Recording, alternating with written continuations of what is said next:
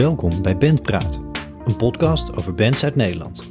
Gevestigde bands, bands die op het punt staan om door te breken, beginnende bands, bands uit de oude doos. Alles komt voorbij in deze zoektocht naar verhalen over alles wat met het spelen in een band te maken heeft. Ik ben Timo Epping, zanger en gitarist bij de band Rufus King.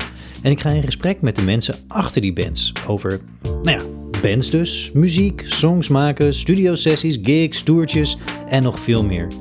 Ik ben benieuwd naar de verhalen, naar de mensen, de ambities, uitdagingen, strategieën, inspiratie, alles.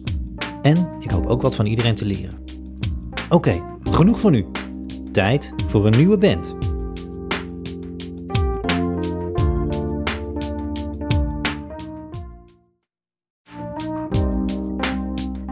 Vandaag heb ik de eer om te gast te mogen zijn bij de geweldige artiest Celine Cairo. Wat een fijn gesprek werd dat aan de gezellige keukentafel. We verkennen de muzikale carrière en ontwikkeling van Celine. We vliegen mee naar LA en Londen, bespreken hoe ze werkt in de studio. We proberen te ontdekken wat Celine op muzikaal gebied nou eigenlijk precies is, hoe ze met haar band werkt en meer. Veel meer. Op naar prachtige muzikale verhalen van een absolute topartiest. Op naar Celine Cairo.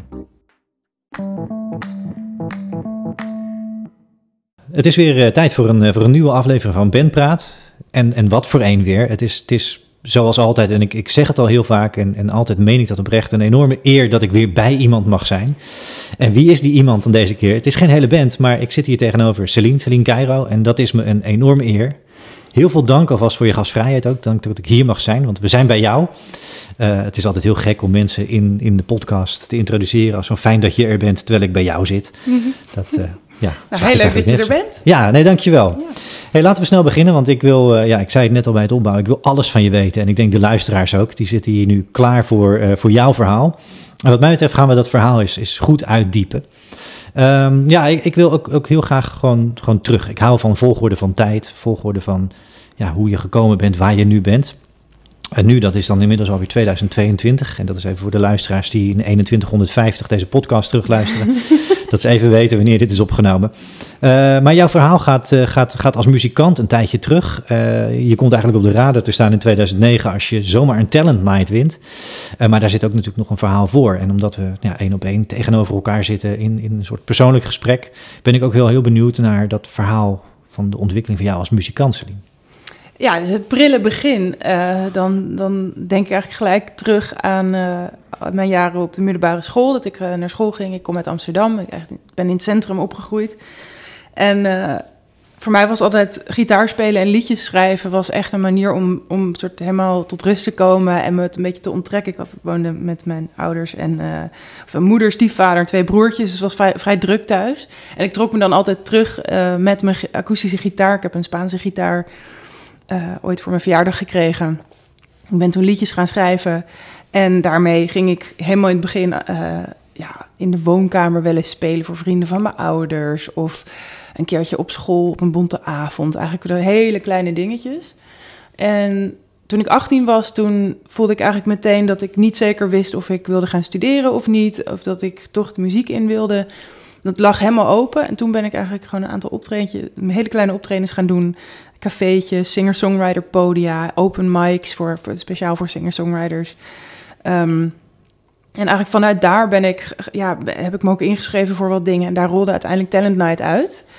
Um, wat inderdaad een beetje de eerste, dat was echt het eerste sprongetje, denk ik, van, van echt totale anonimiteit naar ja, echt op een groot podium gaan staan en meedoen en je inschrijven. En ik deed mee met een eigen liedje. Um, en dat viel op en dat uh, hebben we toen gewonnen. En dat bracht eigenlijk het balletje aan het rollen. Ja, ja dat is dus leuk dat je dat zegt. Want, want ja, je, je, vliegt nu echt heel, heel fijn door, door, door, je, door je muzikale geschiedenis, door het begin heen. Uh, maar ik heb je ook horen zeggen dat je, dat je de gitaar eigenlijk ontdekt hebt als een soort superkracht. Kan je dat eens toelichten? Ja, ik denk er is gewoon iets in, in muziek en in zelf schrijven en spelen en zingen waarin ik, ja, het is gewoon iets wat, wat je niet echt kan, niet helemaal rationeel kan verklaren, maar er is een soort verbinding die ik dan voel tussen mij en het instrument en, en ergens daarmee ook met de rest van de wereld. Het klinkt super zweverig, maar ja, het doet, het doet, uh, het heeft echt altijd iets gedaan met mijn, met mijn hele gestel. En ik heb me altijd ja, echt gevoeld alsof ik een soort vessel was voor wat er van binnen naar buiten moest komen. En er kwamen dan echt dingen uit. En ehm, ja, en het was ook, het is ook altijd iets geweest wat ik in, in eerste instantie voor mezelf deed. En nooit om mee op een podium te staan, maar echt omdat ik zelf muziek wilde maken. Ehm, en omdat ik voor mezelf dan echt in een soort trance terecht kwam. En ehm, dus ik weet niet precies wanneer ik heb gezegd super. Ik weet niet precies waar je op doelt, maar dat is in ieder geval het gevoel wat ik nog steeds heb. Want het is zoiets ja, unieks dat je je zo verbonden kan voelen met, met uh, een instrument, maar dus ook met ja, de verhalen die je vertelt. En daarmee dus eigenlijk ook ja, de wereld waartoe je aan het verhouden bent. Ja. Ja, dat is mooi. En, en hoe groot was dan die stap om, je zegt het waren eerst eigenlijk een soort huiskamerconcertjes misschien die, die ja. je in de privésfeer gaf. Maar um, ja, dat je zegt, van, je ging op den duur dus ook echt met een eigen liedje meedoen aan, aan, aan, aan die wedstrijd in Rotterdam. Ja. Uh, hoe groot was die stap dan voor je? Om te zeggen van nou, het, het is in eerste instantie vooral voor jezelf iets. Ja. Om dat dan naar buiten te gaan brengen. En, en was dat een hele bewuste stap ook van, nou, ik wilde het toch proberen? Of waar kwam dat vandaan? Ja, ik denk, ik denk eigenlijk, dat, het voelde wel als een organisch proces, omdat ik uh, dus wel van die huiskamertjes naar wat cafeetjes ging. Um, en ik had ook wel eens bijvoorbeeld op mijn 16e of 17e of zo heb ik meegedaan aan de Rozentuin. Dat is zo'n wedstrijd in Amsterdam tussen middelbare scholieren van allerlei verschillende scholen, die dan allemaal iets aan kunst, uh, aan podiumkunst doen. Dus ik had wel al eens een keer op zo'n wat, ja, op een plek gestaan buiten zeg maar de woonkamer. En ja, ik denk dat ik gewoon nieuwsgierig was van wat, wat zou er gebeuren als meer mensen horen wat ik maak. En um, ja, het voelde wel echt organisch. Ik heb nooit gedacht, oh, en nu ga ik mezelf eens even flink op de kaart zetten. Het was meer, ja, ik doe het toch al, hoe leuk om dat aan, aan meer mensen te gaan laten horen. Ja. Ja. Ja, je bent in eerste instantie uh, echt veel zelf zingen, gitaar op gaan treden. Maar, maar bij die Talent Night, nog steeds op YouTube overigens terug te zien. Oh, ja. mensen die goed graven. De finale, die haalde je uh, in ja. Rotterdam. Uh, maar daar werd je al geflankeerd door, door twee muzikanten. En dat is ook ja. eigenlijk misschien hoe mensen je vanaf het begin, vanaf het moment dat je, dat je op de kaart kwam, op de radar kwam en, en, en doorbrak ook. Dat je eigenlijk als trio aan, aan het werk was. Ja, ik had toen inderdaad twee jongens en een van de twee werk ik nog steeds mee, met wie ik speelde. En um, ja, ook, ook zij waren helemaal gewoon vers van de middelbare school. We hadden geen idee hoe de muziekindustrie eruit zag. En daar waren we ook helemaal niet mee bezig. We dachten ja. gewoon letterlijk, laten we gewoon, dus de liedjes die ik dan thuis schreef, laten we die dan met viool en akoestische bas...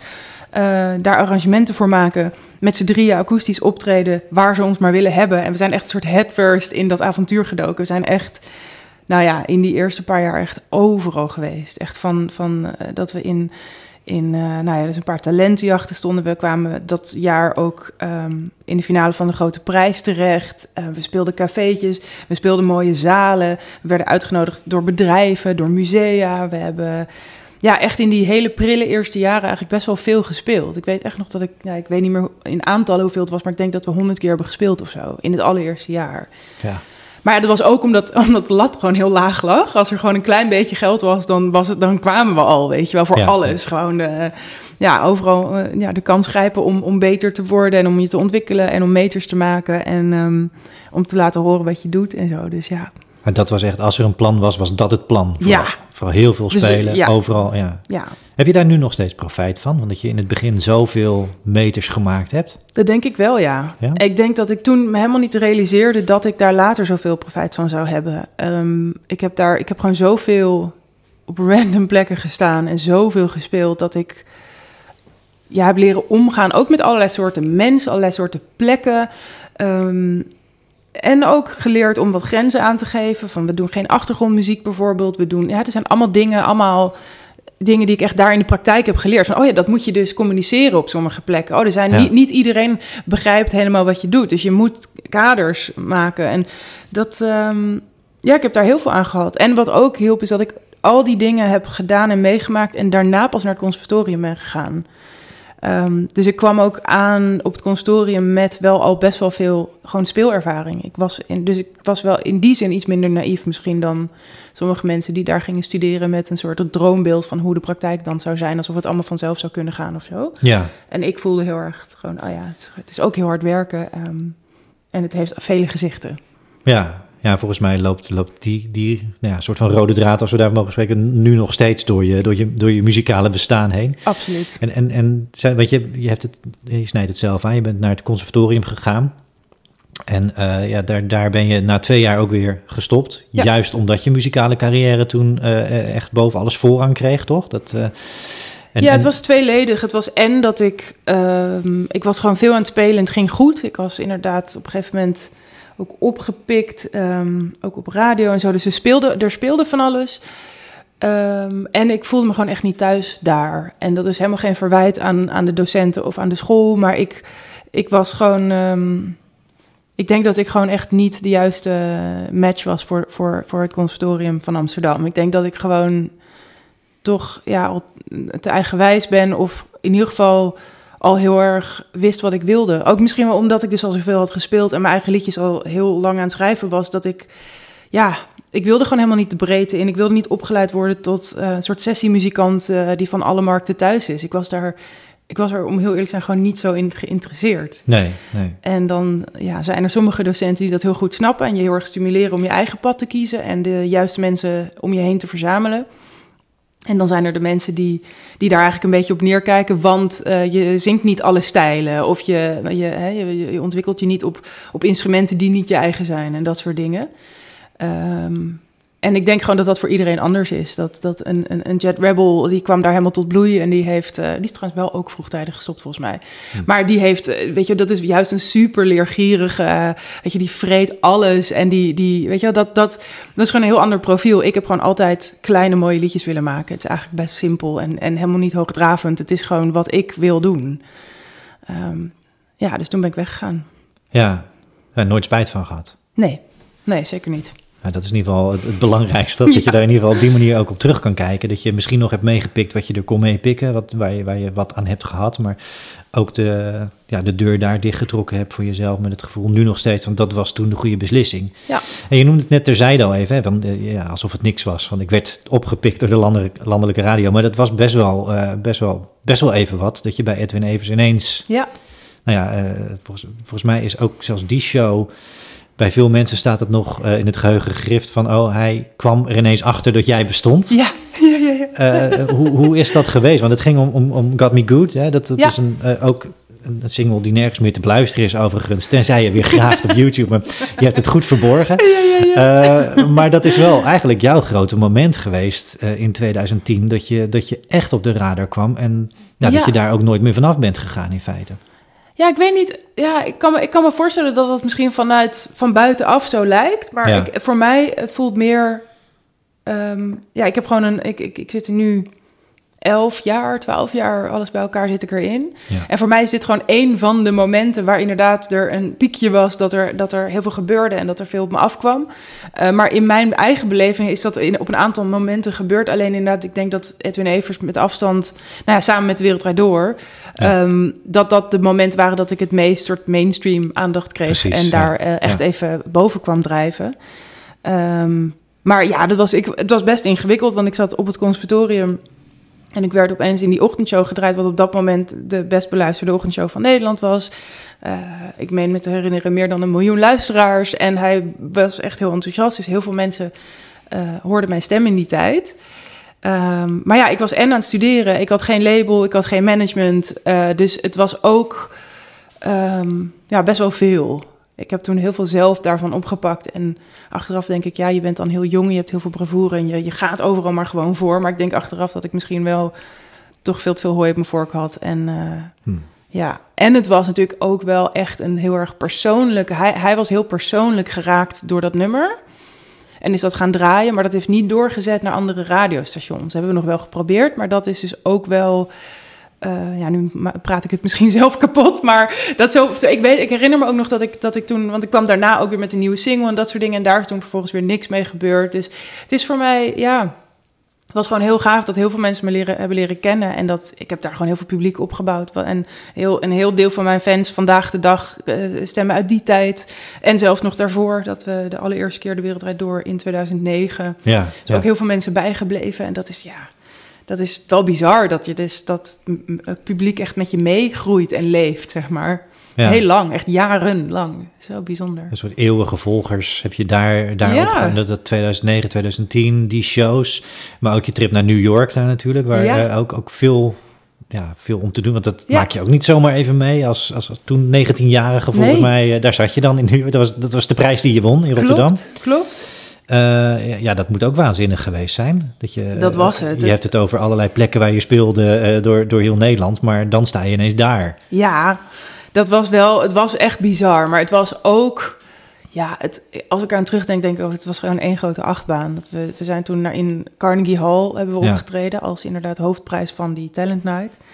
Maar ja, en ik was net begonnen, weet je wel. Ik had gewoon nog helemaal geen, geen skills, wat, weet je wel, wat, wat techniek betreft, hoe het werkte om, om op te treden. Ja, ik, ik was gewoon zo groen als gras. Dus het overkwam ons heel erg.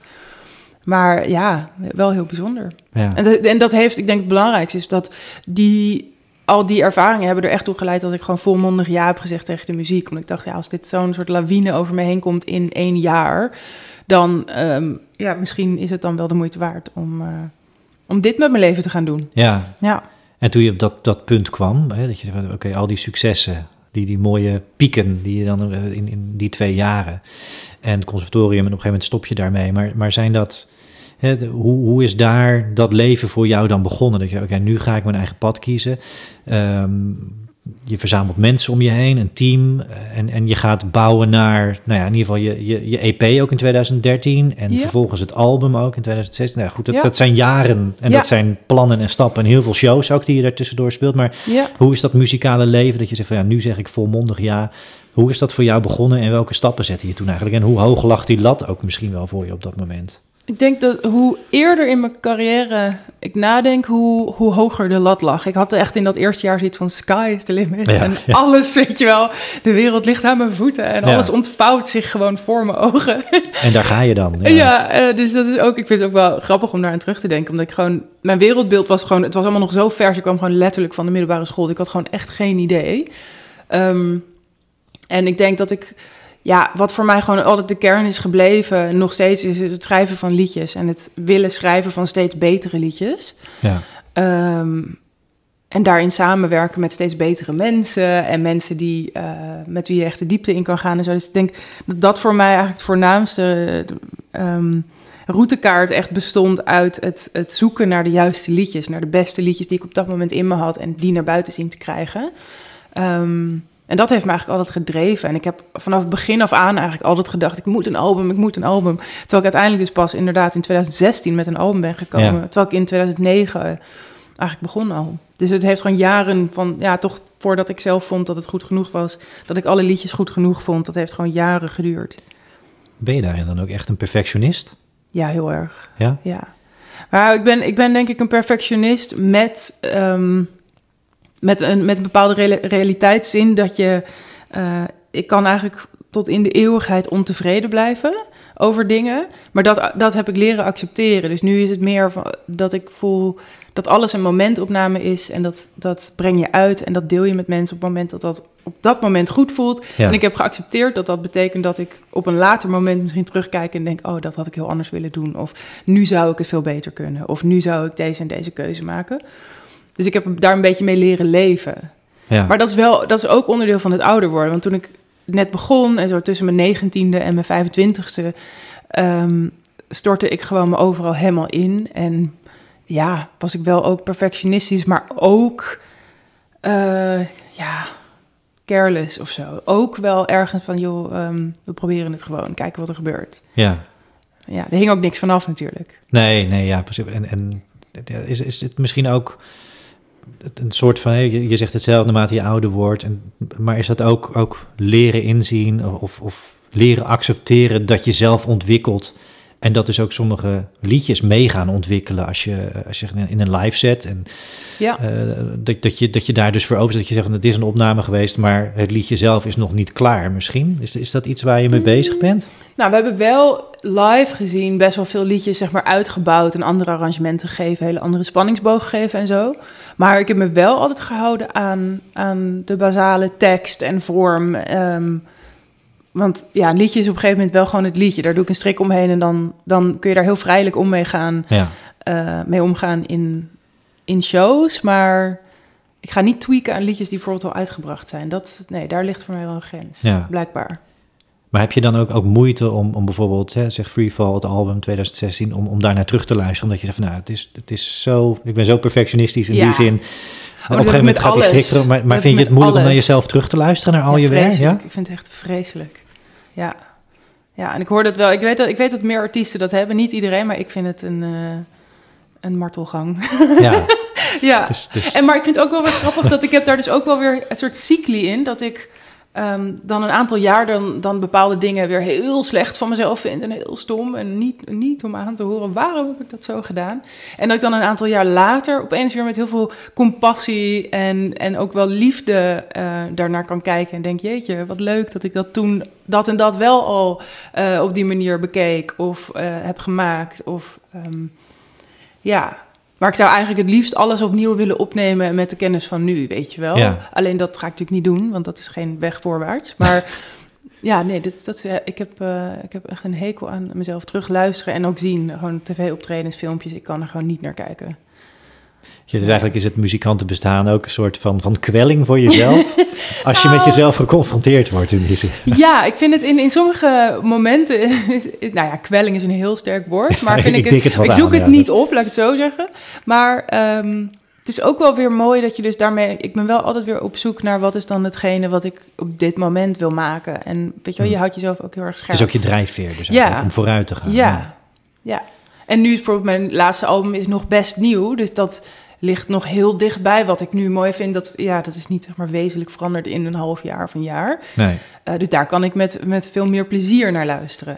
ja. Ja, maar als ik naar Freefall luister, denk ik, oh, dat is echt wel artistiek gezien een eeuwigheid geleden. En dat zou ik nu totaal anders doen. En dan, dan is het accepteren, dat ligt achter me, Ja. dus, nou ja, goed, En dan dat kan is je ook dat prima. ontwikkeling, ja, Ja. precies, ja. Ja, En, eh, wat ik, waar ik wel benieuwd naar ben, want we komen nu een beetje op dat spoor van, van liedjes. Hè. Volgens mij schrijf jij eh, honderden liedjes. Ik, ik heb ergens ook gelezen dat je in ieder geval voor Overflow, je meest recente album, dat je daar ook ongeveer 100 liedjes voor had liggen. Ja, Eh, nou ja, daar pak je dan een kleine greep uit waar je echt concreet iets mee gaat doen. En een paar halen daar dan het album van. ja. Eh, maar wanneer, eh, dat perfectionisme zit erin, daar zijn we nu achter, hebben we de vinger op gelegd.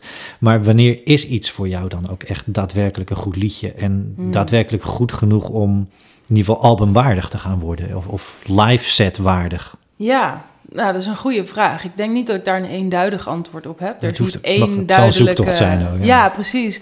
Het is ehm, uiteindelijk, aan het eind van de dag is het resoneert het. Is het iets waar ik... ehm, waarin, waarin geen enkele overbodige zin meer zit. Waarin er geen enkel ja, ehm, element zit wat eigenlijk gewoon opsmuk is en eigenlijk ook weg kan. Het is echt het weghalen van alle ruis en de onzin. En ja, ik denk toch dat de kern van een liedje gewoon goed moet zijn. En, en in sommige gevallen kan ik denken, oh, bijvoorbeeld, eh, ik heb in, in Londen heel veel geschreven. Met hele ook goede, goede eh, nou ja, Britse eh, schrijvers en, en eh, ehm, ja, die textueel ook heel sterk zijn en zo. Dus soms kan ik dan bijna rationeel voelen van, oh ja, dit zit heel goed in elkaar. En dan voel ik me heel erg gesterkt door het idee dat ik dat dan daar heb gemaakt met zo iemand. En dan, dan ja, voelt dat heel stevig. Maar dan zelf dan, dan kan ik ook voelen, maar artistiek, dat het fu- fundament er niet in zit. Omdat het, bijvoorbeeld de boodschap eigenlijk net niet helemaal resoneert met mijn eigen verhaal. Bijvoorbeeld dat ik dan met iemand heb gezeten die eigenlijk er toch een draai aan heeft gezeten die net niet meer helemaal over mij gaat. Ehm, wat in sommige gevallen prima is, want dat kan een angle zijn voor een, voor een liedje. Maar als het Ja. iets heel persoonlijk is voor mij, dan voelt het heel erg. Ehm, dat gaat het heel erg schuren als er een paar zinnen in zitten die eigenlijk net iets anders beschrijven. Wat niet aansluit bij wat ik probeer te zeggen met zo'n liedje. Dus ja, dat is, nou ja, dat is een voorbeeld van hoe, hoe zo'n zoektocht dan gaat. Ja, En op Overflow voel ik echt dat elk liedje op dat album resoneert op meerdere vlakken. En daar kan ik dus ook nu nog steeds helemaal achter staan. En ehm, ja, ik ben, ja, ik heb gewoon heel veel geschreven voordat ik daar was. En ook echt best wel oké, echt prima goede liedjes er niet opgezet. en is dat ook daar dan misschien weer, eh, om even terug te grijpen naar dat gevoel van, ook daarin misschien weer heel veel meters maken totdat je bent waar je wil zijn? Ja, ja, en dat is wat ik eigenlijk na LA. Dus ik heb mijn, mijn eerste eh, volledige album, dat heet Freefall. Dat Ja. heb ik in Los Angeles opgenomen, of zeg maar geschreven en opgenomen voor het grootste deel. En daar ben ik eigenlijk voor het eerst gaan co-writen met allemaal songwriters. En eigenlijk door die ervaring, door dat te gaan doen, kwam ik er eigenlijk achter hoe weinig ik dat nog had gedaan. Want ik had al die jaren ervoor in mijn eentje geschreven en heel erg, ja, echt super dicht bij mezelf Ja. gebleven. En daar kwam ik er eigenlijk achter dat er een hele wereld ligt en ook heel artistiek een super interessante wereld, juist in die samenwerkingen, juist in het sparren, juist in het verhalen vertellen die niet over jezelf gaan, eh, allerlei andere invalshoeken. En ja, toen heb ik me eigenlijk na dat album voorgenomen om me daarin te gaan ontwikkelen. Dus toen ben ik gewoon met heel veel mensen gaan schrijven. En ik heb ook, nou ja, ook voor, voor dance allemaal dingetjes geschreven. Ik heb met andere artiesten samengewerkt. Ik ben op heel veel schrijfkampen geweest, ook internationaal. Ehm, met, met super eh, gerenommeerde songwriters geschreven, met hele jonge songwriters geschreven. Ik ben het gewoon helemaal aangegaan. Ja, En in dat proces, ja, toch weer echt weer een soort stap gezet. Maar dat duurde dus best wel lang voordat daar uiteindelijk de juiste liedjes uitkwamen voor een nieuw album. ja. Ja, Ja, je, noemt, je noemt ook verschillende punten. hè, Maar eh, een van de punten die ik ook, ook met, je, met je door wil nemen, is het schrijven met anderen. Eh, wat je aangeeft van in eerste instantie komt het vooral heel erg uit jezelf. En ja, nog steeds, eh, ook op nieuwe albums staan voor mij heel veel liedjes die heel dicht bij jou staan. Wat het ook ontzettend, overigens even los, los van alles, het album vind ik ontzettend geslaagd en ontzettend mooi. En dat, het raakt mij ook op, op, heel veel vlakken eh, heel nadrukkelijk. En dat is ook waarom ik je absoluut wil te spreken. Maar wat leuk, dankjewel. Dus eh, nee, het is, het is niet zomaar van ik kom gezellig even langs, maar ik vind ook absoluut, eh, nee, dat, dat, dat raakt mij. En dat wil ik je dan als persoonlijke noot even, even meegeven, dat dat eh, in die zin dus absoluut voor mij in ieder geval geslaagd is. Mooi, dankjewel. Voor jezelf dan misschien niet, maar... Jawel, nee, jawel. Tot, tot, Sorry, tot dat- zover wel. Misschien over drie jaar had ik weer denken, oh, ik had het helemaal anders Maar dan ben je doen. klaar voor je volgende stap. Precies, ja. Nee, maar, maar wat ik interessant vind is, eh, juist als muziek zoiets persoonlijks is en zo dicht bij je ligt en, en teksten die moeten resoneren met wat in jou omgaat en wat met jou gebeurt, eh, intern of extern, is het dan moeilijk om met anderen te gaan zitten en om misschien in sommige gevallen ook jouw kindje los te laten en Mhm. wat zo dicht bij jou ligt met anderen te delen? Is, is dat moeilijk? Omdat, eh, en dat is misschien wel, wordt nu heel persoonlijk misschien, maar Ja. in het schrijfproces is, is het lastig om, om die hoeken te zoeken en verkennen met anderen. Ja, ik denk dat is zeker ehm, niet makkelijk. Er zijn natuurlijk allerlei manieren om te schrijven met anderen. En bijvoorbeeld als ik eh, eh, sessies deed met andere artiesten, dan schreef ik bijvoorbeeld voor hun. Nou, dat Ja. is een heel andere tak van sport. En voor mijn album, wat ik uiteindelijk heb geleerd door, door het dus heel veel te doen, is dat ik ehm, in die schrijfsessies echt de leiding neem en probeer die boodschap en die, nou ja, het liedje wat er in mij zit, om dat naar buiten te krijgen en de mensen te vinden die met mij die zoektocht aan willen gaan. En daarin heb ik ook heel erg gemerkt dat er zijn gewoon super goede songwriters, maar die heel dominant zijn en heel erg hun eigen stempel willen drukken. Ehm, en dan gaat het wel eens wringen, omdat ik wil me juist helemaal vrij voelen om van binnen naar buiten te werken. En dan met elkaar te sparren. Hoe kunnen we dit zo puntig mogelijk, zo goed mogelijk verwoorden? Hoe, eh, ja, hoe gaan we dit verhaal vertellen? Ehm, en dan is bijvoorbeeld ego is gewoon een heel belangrijk ding. Dus ik probeer mijn ego echt erbuiten te laten en zo zuiver mogelijk te kijken naar wat ik wil zeggen. Maar omdat het gaat om mijn artiestenproject, moet het ook mijn verhaal zijn. Ik wil niet, eh, ja, tenzij iemand mij een verhaal vertelt wat mij raakt. En dan kan ik daar Ja. ook in mee. Maar het idee van we gaan zitten en we gaan niet heel, ja, gewoon een, een verhaaltje uit de lucht plukken en daar wat omheen breien. Dat is gewoon lastig. En ik heb uiteindelijk in Londen eh, het overgrote deel geschreven van dus het laatste album Overflow. En daar gewoon een kleine pool aan songwriters gevonden met wie ik zo waanzinnig klikte. Waar ik me uiteindelijk, en dat, dat, dat kostte een paar sessies, een paar dagen. Maar waar ik me uiteindelijk zo thuis voelde dat ik gewoon alles kon laten stromen. En eigenlijk gewoon mijn, mijn, mijn kritische gedachtenstroom helemaal uit, uit kon schakelen. En helemaal in, gewoon kon flowen en kon spelen en verschillende instrumenten oppakken. En gewoon helemaal in mijn element. En dat, ik denk dat ik uiteindelijk achteraf gezien heb ik daar gewoon een aantal jaar naar gezocht. Naar die dynamiek en die mensen om mee samen te werken. Ja, Ja, Ja, lekker is dat dan, lijkt me. Als je Ja, dat, als dat zo klikt en zo ja. ja, muzikaal, eh, misschien een soort van speeltuin met elkaar creëert, waarin je kan maken wat je wil en. Wat je voelt ook vooral. Want volgens mij is dat Ja. ook echt belangrijk in jouw schrijfproces, dat, dat je het moet voelen en dat het bij je gevoel moet blijven. Eh, want, want ja, we hebben net besproken en gehoord van je wat jij, wanneer iets dan een goed liedje is. Maar is dat dan misschien de stap die het ook echt tot een, een, nou ja, een Celine Cairo liedje maakt? Ja, ik, ik denk dus dat ik dus die stap van dat, ik een, dat er ook een gevoel om een liedje heen hangt waarbij alles klopt, dat ik dat ook echt nastreef. Dat ik dus niet alleen denk, oh heel sec gezien is dit een goed liedje, maar dat ik Ja. ook, ja, ook de herinnering aan de dag, het contact, de, de, de wandeling die ik misschien die ochtend maakte. Dat, er zijn gewoon heel veel subjectieve dingen die meespelen in je belevenis van hoe ervaar ik dit nummer. En ja, daar is dat maakproces gewoon heel belangrijk voor. Dus voor mij is dat ook, ook een beetje de lol van het hele schrijven en van het maken, is dat je ja, het grijpt gewoon helemaal in, in het grijpt helemaal eh, in je leven en om alles eromheen. Ja, Ja. ja mooi is dat. Ja, mooi om te horen en dank dat je dat ook wil, wil delen zo. eh, dat, eh, ja, dat, dat vind ik mooi om te horen. Sorry voor het storen, maar fijn dat je luistert naar Ben Praat. Hey, mocht je de podcast nou tof vinden, abonneer je er dan op in je favoriete podcast app.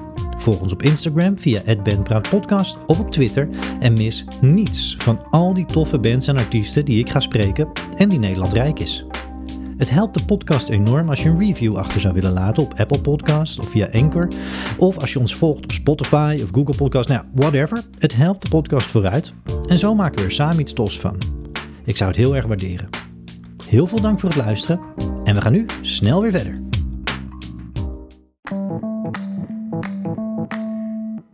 Ik probeer altijd een beetje met, met artiesten in de podcast te verkennen van hoe werk je dan in de studio, waar komen liedjes vandaan, maar hoe vertaal je dat ook naar live? Uh, en, en die vraag wil ik je nu tussendoor even stellen, want, want ja, heel veel liedjes staan natuurlijk heel dicht bij jezelf, maar maakt dat ook dat als je op een podium staat, en je staat op heel veel verschillende podia, dat hebben we al een beetje gehoord, maar nog steeds, als het even kan, uh, door de huidige situatie, sta je op heel veel podia. Is, maakt dat je ook in zekere zin kwetsbaar naar het publiek toe? Of voel je dat heel ergens van, oké, okay, nu ga ik een heel persoonlijk verhaal vertellen in deze show. Mhm. Vind je dat lastig? Heb je dat moeten leren? Of is dat iets wat je uit kan zetten als je, als je op het podium aanstaat? Um, ik denk dat je het nooit helemaal kan leren, omdat gewoon een, zeker de, de, de echt heel persoonlijke liedjes, of die gaan over thema's die niet makkelijk zijn. Um, daar, als het goed is, kan je er niet omheen dat, dat, dat je die lading ook meeneemt naar een live show. Uh, dus het is geen doel op zich om dat uh, thuis te laten en dan maar gewoon een leuke show te spelen. Ik wil, ik wil dat ook meenemen, maar het is een balans. Want je wil ook niet dat het iets heel sentimenteels wordt. Je wil niet um, helemaal in je eigen uh, sentiment gaan lopen wentelen. En eigenlijk dat, dat wordt voor andere mensen ook saai. Mensen moeten ook natuurlijk hun eigen belevenis bij de muziek en bij de teksten kunnen hebben. Dus dat is echt zoeken naar een balans. Maar ik heb zeker vaak, ook als ik de, de eerste paar keren dat ik nieuwe muziek live speel, dan voel ik die lading het meest. En dat vaak wordt dat wat rustiger naarmate je dan wat langer toert. Dan wordt het iets normaal. Dan denk je, oh ja, hier bij dit nummer, hier in de set, voel ik hem altijd even. Of dan wil ik daar iets over zeggen. En dan ja, geef je het lucht. En gewoon door, ook daar door meters te maken, wordt, dat dan, wordt het wat makkelijker of wat lichter. Of, ja. En het hangt gewoon af van je bui natuurlijk. Als ik gewoon een, uh, een emotionele dag heb, dan uh, komt het allemaal wat harder binnen. En de andere keer fiets ik er wat meer doorheen. Ja. Ja. Oké. Okay. Ja, daar komen we straks dan wellicht nog eventjes wat meer op terug op het, op het, op het live spelen, want ik ben daar ook, uh, ook heel benieuwd naar. En nou ja, dank ook tot zover alvast. Uh, ik vind het heel fijn en, en mooi dat je deze verhalen wil delen en, en dat we het Tuurlijk. hierover hebben. Uh, en ik ga het gewoon nog honderd keer zeggen dat het hartstikke fijn is om hier te zijn. Nee, wat ik... Um, ja, wat ik graag wil, want we zijn, ja, we zijn al even in LA geweest en we hebben het over je nieuwe album gehad. En, en nou goed, de podcast heet Bandpraat. Ergens is ook, je bent begonnen met uh, ja, als drietal eigenlijk, maar je bent gegroeid naar een band. Ja. En nou, ik heb ook, ook gelezen over je dat je, dat je echt aangeeft van ja, het, het, heet, het project heet dan wel Celine Cairo, maar we zijn toch echt wel een band. Ja.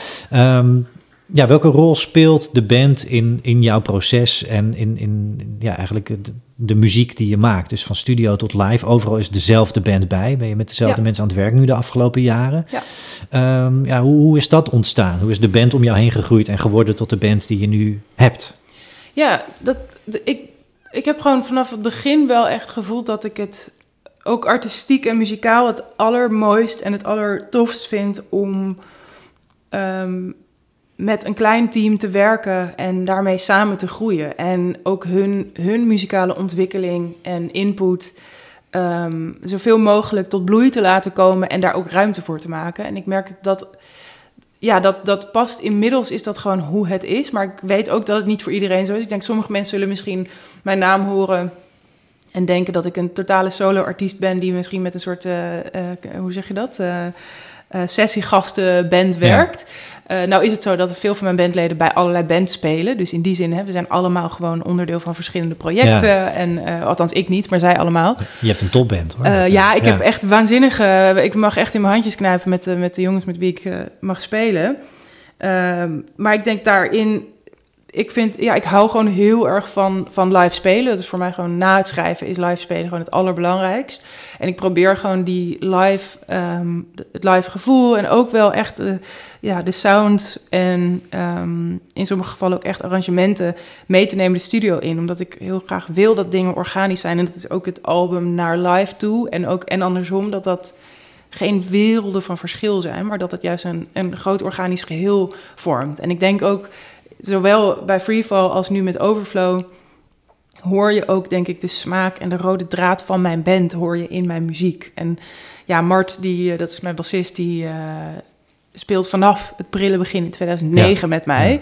Ehm, we, kwamen allebei, we kwamen elkaar tegen toen we net allebei eindexamen hadden gedaan. En allebei nog niet wisten of dat we muziek in zouden gaan.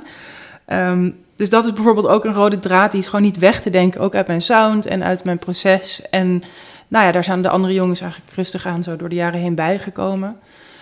Um, en ik vind gewoon het aller, allerleukst om zo'n proces met hun samen te doen. En, en nou ja, voor dit album zijn we naar Studio 150 gegaan in Amsterdam. Het is echt een waanzinnige kerk uit de jaren ja. 20. Omgebouwd tot, ik denk met afstand, de mooiste studio in Nederland. Het is belachelijk. Ja, geweldig. Echt belachelijk. En dan ja, ik weet, mijn hart maakt gewoon een sprongetje ook als ik dan die jongens daarmee naartoe kan nemen, daar kan gaan opnemen en hun gewoon zo goed kan laten klinken en dat dan echt meenemen ook in het artistieke proces, in de productiekeuzes die we maken. Ja, dat, dat ik, ik kan me eigenlijk niet echt een andere manier voorstellen. Ik weet dat mensen op allerlei manieren albums maken, maar voor mij is dit, ik vermoed voor altijd gewoon, ik wil gewoon die wisselwerking tussen organisch en, en het meer ja, digitale, elektronische productiegedeelte. Ja. Ja, dat is interessant, want wat is, wat is, dat is jouw rol dan daar ook vooral in? Hè? Je, je, schrijft, uh, je, je, je, bent de productiekant, dat, dat neem je ook op je, maar echt het arrangeren, dat is wel echt iets waar je de, de hele band dus ook in de studio bij betrekt, toch? Dat, uh...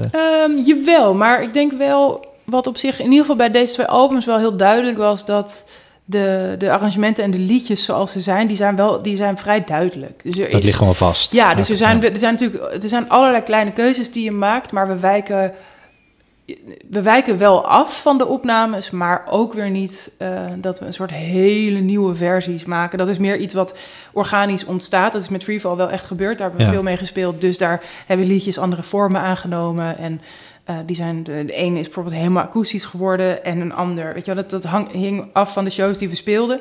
En nu met Freefall is natuurlijk, ja, we spelen op dit moment niet, uh, hopelijk binnenkort weer wel. Maar al die meters hebben we dus ook nog niet gemaakt. We hebben alleen de albumrelease gedaan. Ja, ja. Um, dus dat was gewoon, ja, een eerste keer. En daar hebben we dan wel, wel echt vastgehouden aan het album, wel intro's en outro's en dingen gemaakt, maar niet ja, geen hele gekke Was het trouw arrangementen. Aan de, ja, aan echt de trouw, echt trouw aan de ja, studio. ja. Ja, zeker. Oké. Okay. En, en, ja, wat ik, wat, wat ik wel ook interessant vind um, van daaruit, want, want tussen uh, Freefall en Overflow zit nog uh, een, een, ja, een volledig akoestisch album. Uh, ja. En, en wat ik daar heel interessant vind, is dat je dus eigenlijk een album vertaald hebt naar een akoestische sessie.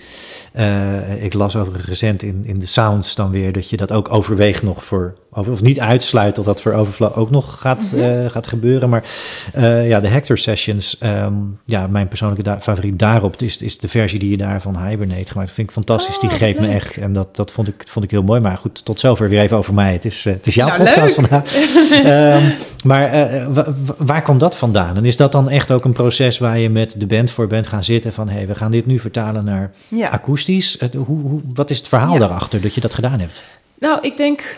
Het begon eigenlijk met dat, is, dat album zelf heb ik in LA gemaakt met een producer daar. En de band is toen overgekomen. En daar zijn we eigenlijk. Dat was gewoon mijn eerste ervaring met gewoon een grote studio, een hele goede producer.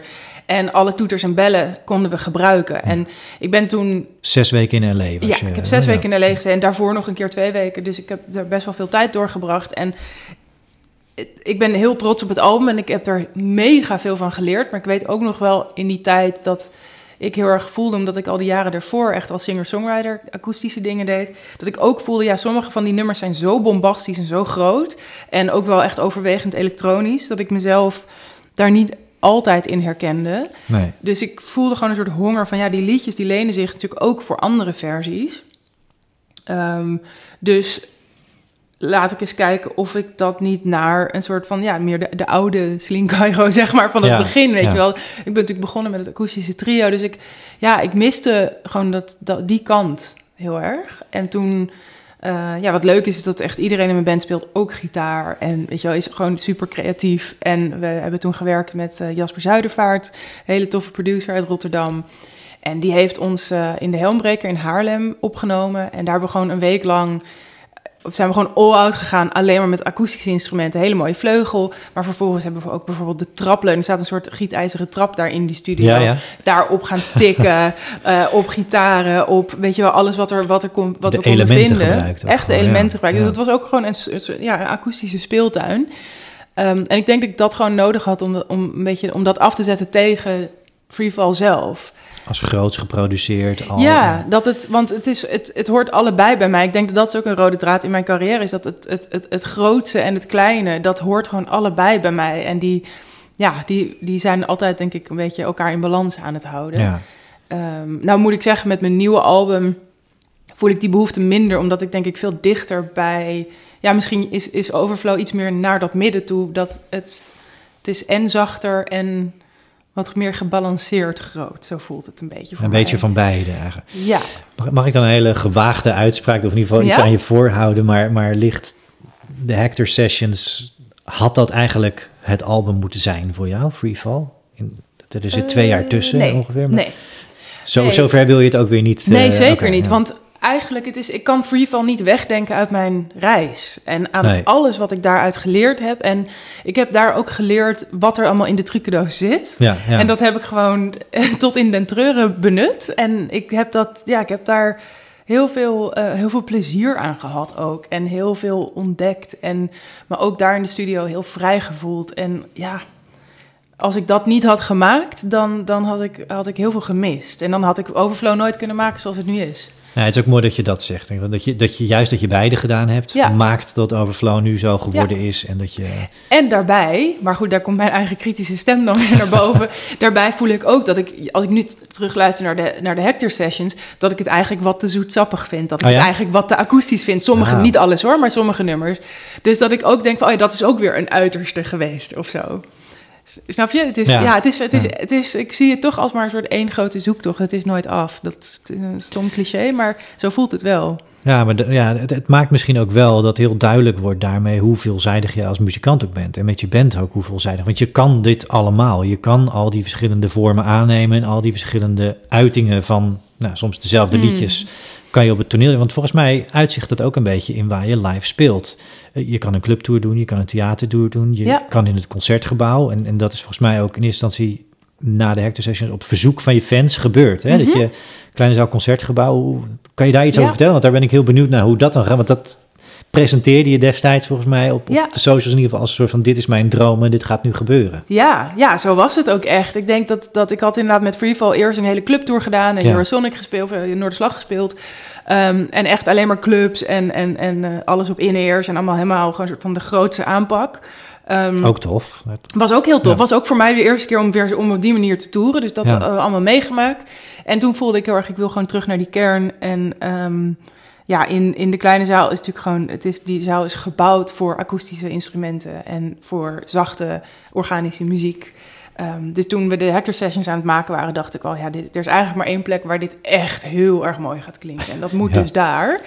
Ehm, en nu, als het goed is, over een paar weken, ja, ik weet niet wanneer de luisteraar dit luistert, maar nu wij hier zitten, is het zo dat we over, als het goed is, over twee, drie weken ehm, weer in het concertgebouw staan. Maar dat is afwachten of dat door kan gaan. Maar dat is, ja, dat is gewoon, ik heb daar zo'n mooie herinnering aan, dat ik daar, eh, ja, dat, dat, ehm, daar verheug ik me al heel lang op, Ja, om het nog een keer te mogen doen. maar dat is voor jou dan ook echt wel een soort ultieme plek waar je kan spelen. Ja, in ieder geval in de akoestische sferen, zeg maar. ja, Ja, ja, precies, ja, ja. zeker. Ja. Ja. Ja, mooi is dat. Ja, ik wil straks nog wel even verder ook kijken naar, uh, naar al die verschillende uh, ja, soorten shows die je neer kan zetten. Ook, uh, of het nou, je kan ook soms solo speel je wel eens. Maar, ja, zeker. Of ook weer als trio of met de, de, volledige bandbezetting. Dus, dus al die vormen passen ook bij jou. Maar uh, oké, we gaan soms gewoon even, even wat zijstappen doen en, en kriskras door je carrière heen. Mhm. Ehm, maar Freefall, daar, daar ben je ook met name, en, en ja, dat zijn dan de, de numbers, dus hebben we maar miljoenen keren gestreamd. Mhm. Dat is natuurlijk gewoon ook krankzinnig en, Ja. en ontzettend tof als dat je overkomt volgens mij. Maar met name dus ook internationaal, want Ja. ja, ik, ik vind het ook gewoon heel leuk om te zeggen dat ik hier gewoon met een internationaal gevierd artiest zit. maar ja, dat ben je. Ik bedoel, Nou ja, ja, ja, je, wordt, denk- ik denk altijd je bent internationaal nee. opgepakt, toch? Dat- Ja, ja, ja. Ja, ik denk dat is wel ook iets, iets wat ehm, echt veranderd is sinds de jaren dat ik begon. Dat eh, gewoon de muziekwereld zo ontzettend veel groter is geworden en internationaler is geworden. En eh, ik, zeg maar, live gezien eh, ben ik met name gewoon, speel ik in Nederland. En heel Ja. af en toe ma- maak ik een uitstapje, maar dat is... Ik tour niet in grote zalen in het buitenland, nog niet, helaas.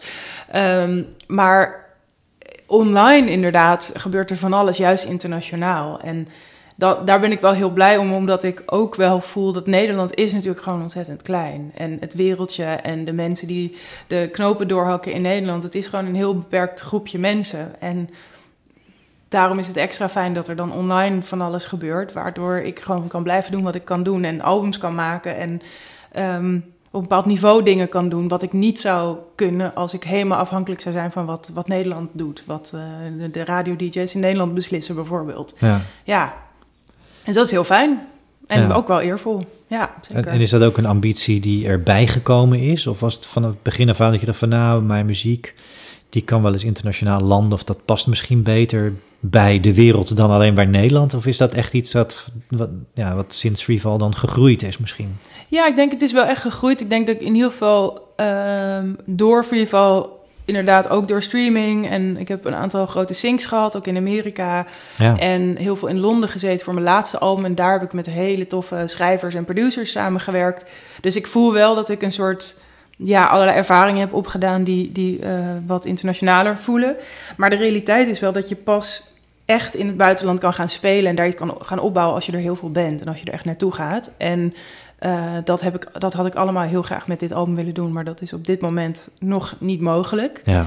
Ehm, dus het is, dat is echt iets voor de komende jaren om te gaan uitbouwen. En, want want ik, dat is het leuke wel. Ik zie, eh, dat is natuurlijk ook de grap van Spotify en, en, en socials... dat je gewoon ziet dat mensen echt overal vandaan komen. En Ja. dat, ehm, dat ik gewoon heel veel luisteraars heb in Duitsland, in België, in Engeland. En dat dat... Ja, dus ik denk dan in theorie zou het moeten kunnen, maar ja... Een Europese tour ligt voor het oprapen in feite. Nou ja, Dat, dat, dat weet ik dus niet. Volgens mij is, dat, is het nog best wel ingewikkeld. Dan moet je dus echt wel gaan investeren in, in op zo'n plek zijn en terugkomen en daar een publiek gaan opbouwen. Het is ja, van online naar, naar, eh, naar live is gewoon een grote stap. Het is echt een hele grote stap. Maar eh, ja, ik, ik, ga, ik ga het wel aan. ja. Als het weer kan. Nou ja, precies. Ja. Laten we dat hopen. En, en ja, we hebben corona in de podcast als een soort verboden woord bestempeld. Ik heb het nu alvast zelf maar gezegd, maar iedereen heeft er natuurlijk ontzettend veel last van. Ook hier blijkt Ja. maar weer hoe, hoe zie je dat een, ja, een carrière of een album in de weg, het kan alles in de weg zitten. Ja, En, ja, eh, ja, ja. ja, super vervelend. Laten we daar niet te lang bij stilstaan. Hey, eh, ja, je zei, ehm, volgens, volgens mij heb jij ook wel een enorme eh, mentaliteit van hard werken en DIY. Mhm, Ehm, je hebt ook een eigen, eigen label. mhm.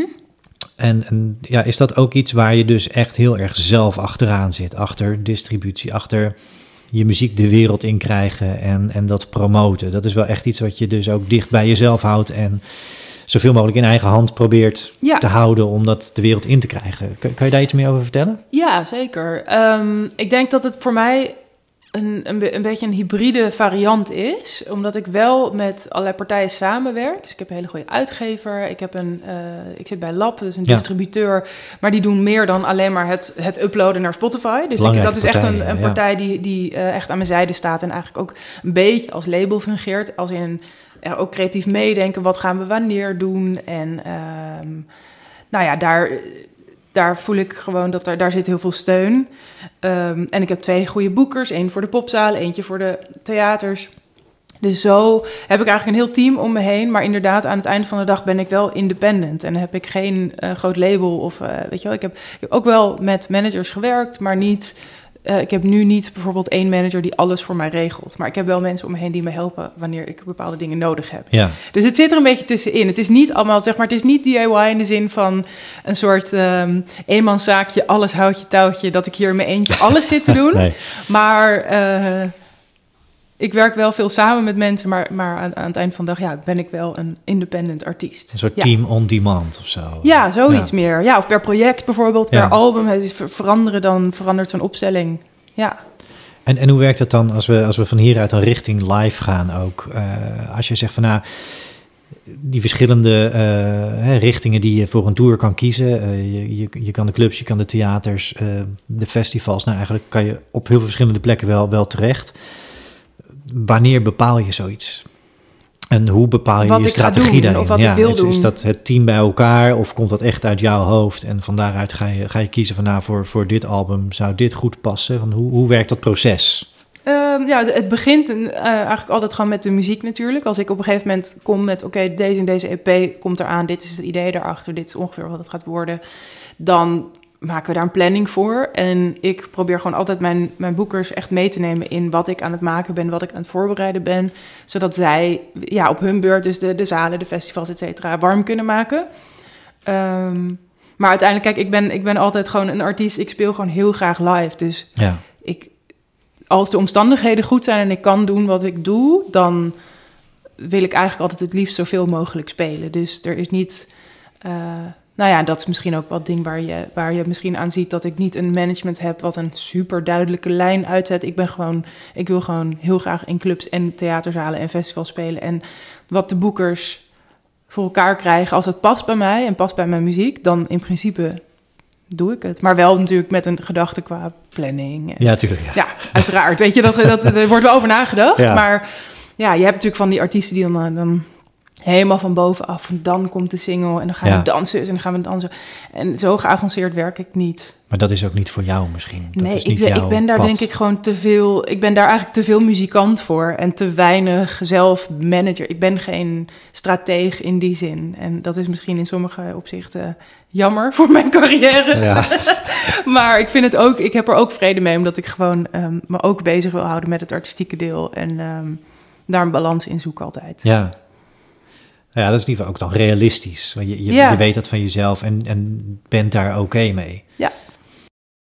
En als je dan live gaat spelen, hoe bepaal je dan welke set waarvoor is? Hè? Je, je, noemde het net al even naar bepaalde dagen, eh, misschien in bepaalde emoties, tot bepaalde liedjes misschien net even niet lekker gaan. Of, maar eh, nou ja, al die verschillende manieren waarop je speelt ook. Of het nou in sommige gevallen solo is, of dat je in het theater Ja. staat, staat. Of, of dat je zegt een, eh, een, een hardcore clubshow. Ja. Eh, hoe bepaal je dan, eh, verschilt dat per dag? Of, of ben je iemand die, die vasthoudt aan een, een set voor een hele tour? Eh, hoe bepaal je wat je meeneemt? In principe, als ik echt een, een tour speel, dan vind ik het heel fijn om daar gewoon één lijn in te trekken. En dan ga je, op het moment dat je dan je repeteert en je maakt de set en je gaat kijken wat werkt. En dan zodra je begint met spelen, ga je tweaken van oh, dat ene nummer volgt een beetje raar op bij die. Nou, dan gaan we die verplaatsen. Dan probeer je dat uit. En, en aan het einde van de tour heb je, als het goed is, de set zoals die moet zijn. En dan is de tour klaar. Ja. En dan is de tour klaar. Ehm, ja, zo gaat het wel vaak. Ja, dus ik. ehm, het is altijd. Je, je bedenkt natuurlijk iets van tevoren en dat repeteer je of met een bepaalde insteek. Ehm, en dan moet je altijd in de praktijk kijken. Maar daarnaast is het inderdaad zo dat ik ook. eh, ik speel ook zeker solo. eh, voor, nou ja, eh, soms een, een congres of, weet je wel, evenementen waar meer het zakelijke circuit. ehm, of bijvoorbeeld in-stores. Ik heb rondom de albumrelease een hele in-store tour Ja, gedaan. Ja. Nou, dat doe ik lekker solo. Dat vind Ja. ik gewoon heel fijn. En dat vind ik vind het ook heel leuk om in zo'n periode heel veel gitaar te spelen. En dat weer die kant van mezelf even helemaal op te vijzelen. En dan vind ik het daarna weer heel fijn om me weer helemaal te laten dragen door die enorme band. En gewoon Ja. helemaal eh, te zweven. Weet je het zijn, ja, het zijn twee kanten van dezelfde munt. Zo Ja. voelt het. En je wil al die kanten ook hebben. Ja, ja, ik denk. Ik, het, zo, ik, dat zit gewoon in mij, denk ik. Dat ik, al die, dat ik allebei wil doen. Ja, wat ik ook wel interessant vind, en dan ga ik ja, niet dat ik, uh, dat ik je als, als een soort uh, figuur nu met allerlei oude uit, uitspraken wil gaan confronteren. maar ik, ik, hoorde je ergens, ergens zeggen in een oude interview uh, van, ja, ik, volgens mij was dat rond Freefall. Ja, nu ben ik eigenlijk geen gitaarmeisje meer, maar ja, meer Hoe typeer jij jezelf eigenlijk mm. daarin? Ben je, ben, je, ben je een completere muzikant geworden? Ben je meer een zangeres die zichzelf begeleidt? Of mm. wat, wat ben jij? wat ben jij? Wie ben jij eigenlijk? Leg dat nou eens uit. Ja, ja. dat, ja dat is, ik vind het oprecht een hele goede vraag. Want ik denk, um, ik ben echt allebei. En ik heb ook dit najaar hebben we de albumrelease gedaan. Stond ik met uh, zes man op het podium. Ja. Uh, lichtgeluid, toeters en bellen. In eerst de hele shabam. En dan vervolgens doe ik datzelfde weekend in stores... waarbij ik in mijn eentje dus met gitaar in uh, platenzaken sta. Um, ik, ik denk niet dat ik ooit een keuze wil maken... maar ik denk dat het uiteindelijk is het wel zo dat ik ben singer-songwriter. Ik ben iemand die zelf liedjes schrijft. Soms met anderen, vaak ja. ook alleen... En dat ik die liedjes breng naar mensen. En dat kan ik, ja, in, in essentie, als je het helemaal terugbrengt naar de kern, doe ik dat alleen. Alleen, ik denk dat ik door Freefall, uh, door dat album te maken en daar die live show bij te maken, me echt ook heb ontwikkeld om überhaupt gewoon als meer echt als frontvrouw van een band op te treden, die gitaar weg te leggen en veel meer Um, ja, misschien ook op een rare manier. Ik vind het raar om mezelf dat hard op te horen zeggen, maar meer te performen. Gewoon letterlijk, ik heb mijn handen letterlijk vrij. En ja. dus dat was echt die, maar die periode was de eerste keer dat ik op die manier uh, echt voor mijn band stond. Ja. En me daarin ben gaan ontwikkelen. En um, ja, nu ik daaraan heb geproefd, kan ik niet helemaal weer terug naar alles akoestisch spelen. Omdat ik vind het gewoon veel te interessant om ook dat grootste aan te pakken. Ja. En mijn producties lenen zich daarvoor. Dus ja, maar aan het einde van de dag, in essentie, ben ik gewoon singer-songwriter. Ja, dat, ja, ik weet niet of dat een helder antwoord ja, is. Ja, het is een helder, maar het is in ieder geval helder genoeg dat het voor jezelf eigenlijk nog altijd een, een, misschien een soort zoektocht is. Ja. Uh, en, en, dat je jezelf blijft ontwikkelen en ontdekken misschien daarin ook. En dat dat dus nooit stilstaat. En ja, dat dat misschien dan wel de kern van jou is. Dat je, je staat nooit stil en je blijft zoeken. En dat, da, dat is, is sowieso de drijfveer, kern. toch? Ja. Sowieso, ja ja, om, om even bij die drijfveer te blijven. Uh, en, en, dan gaan we langzaamaan richting de rubrieken, die altijd ja, veelbelovend. Er liggen alweer dobbelstenen op tafel, dus maar dat is voor straks. Leuk, ja. Um, maar ook de creativiteit die in je zit en, en de drijfveer die je hebt met muziek uh, en, en de enorme nou, vervelende periode die, uh, die de wereld op dit moment nog altijd doormaakt. Mm -hmm. uh, in 2020 uh, kwam ik tegen dat je nou, als een van de eerste artiesten een, een touchscreen show gaf. Uh, dat je een garden tour hebt, uh, hebt willen opzetten. In ieder geval daarmee bezig bent geweest. Ja. Uh, um, ja, ja, typeert jou dat ook echt in die zin weer? Nou, we hebben het net al heel even over DIY gehad. In ieder geval heel veel wat je ook weer bij jezelf en wat je bij jezelf... maar dat, dat daar ook weer die creativiteit van jezelf naartoe gaat. Van nou, ik wil dit doen. Ik, ik ga dan ook weer nieuwe creatieve manieren zoeken... om in zo'n situatie toch... Ja mensen op te zoeken, publiek op te zoeken? Ja, ik denk dat, dat wat wel bij mij hoort, is dat ik, me, uh, dat ik heel flexibel kan zijn. Dat ik inderdaad klein en groot kan spelen. En um, dat ik ook niet bang ben om op gekke plekken terecht te komen. Dus dat ik ook. Het was inderdaad in de zomer toen van 2020 uh, zo'n fase dat je opeens niemand meer thuis mocht. Ik had zeg maar een soort uh, nou, ik wilde kleine shows spelen ja. uh, om de nieuwe liedjes van mijn nieuwe album uit te gaan proberen. En toen opeens mochten mensen ook geen mensen meer thuis ontvangen. Dus toen heb ik het idee opgevat om een tuinentour te gaan ja, doen. Heel tof. Nou ja, die begon en echt letterlijk na de tweede show. Ik had een rits van 14 uh, tuinen staan.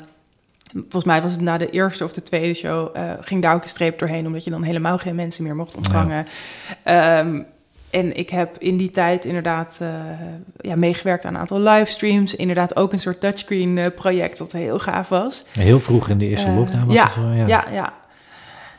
Um, dus ik heb me eigenlijk elke keer ja, geprobeerd flexibel op te stellen... en niet bij de pakken neer te gaan zitten. En ik moet wel zeggen dat, dat nu, zeg maar, na twee jaar, voelt het allemaal heel anders. Ik denk dat het eerste jaar was, heb ik heel erg gevoeld... ook heel veel muzikanten om me heen. Iedereen was heel strijdbaar...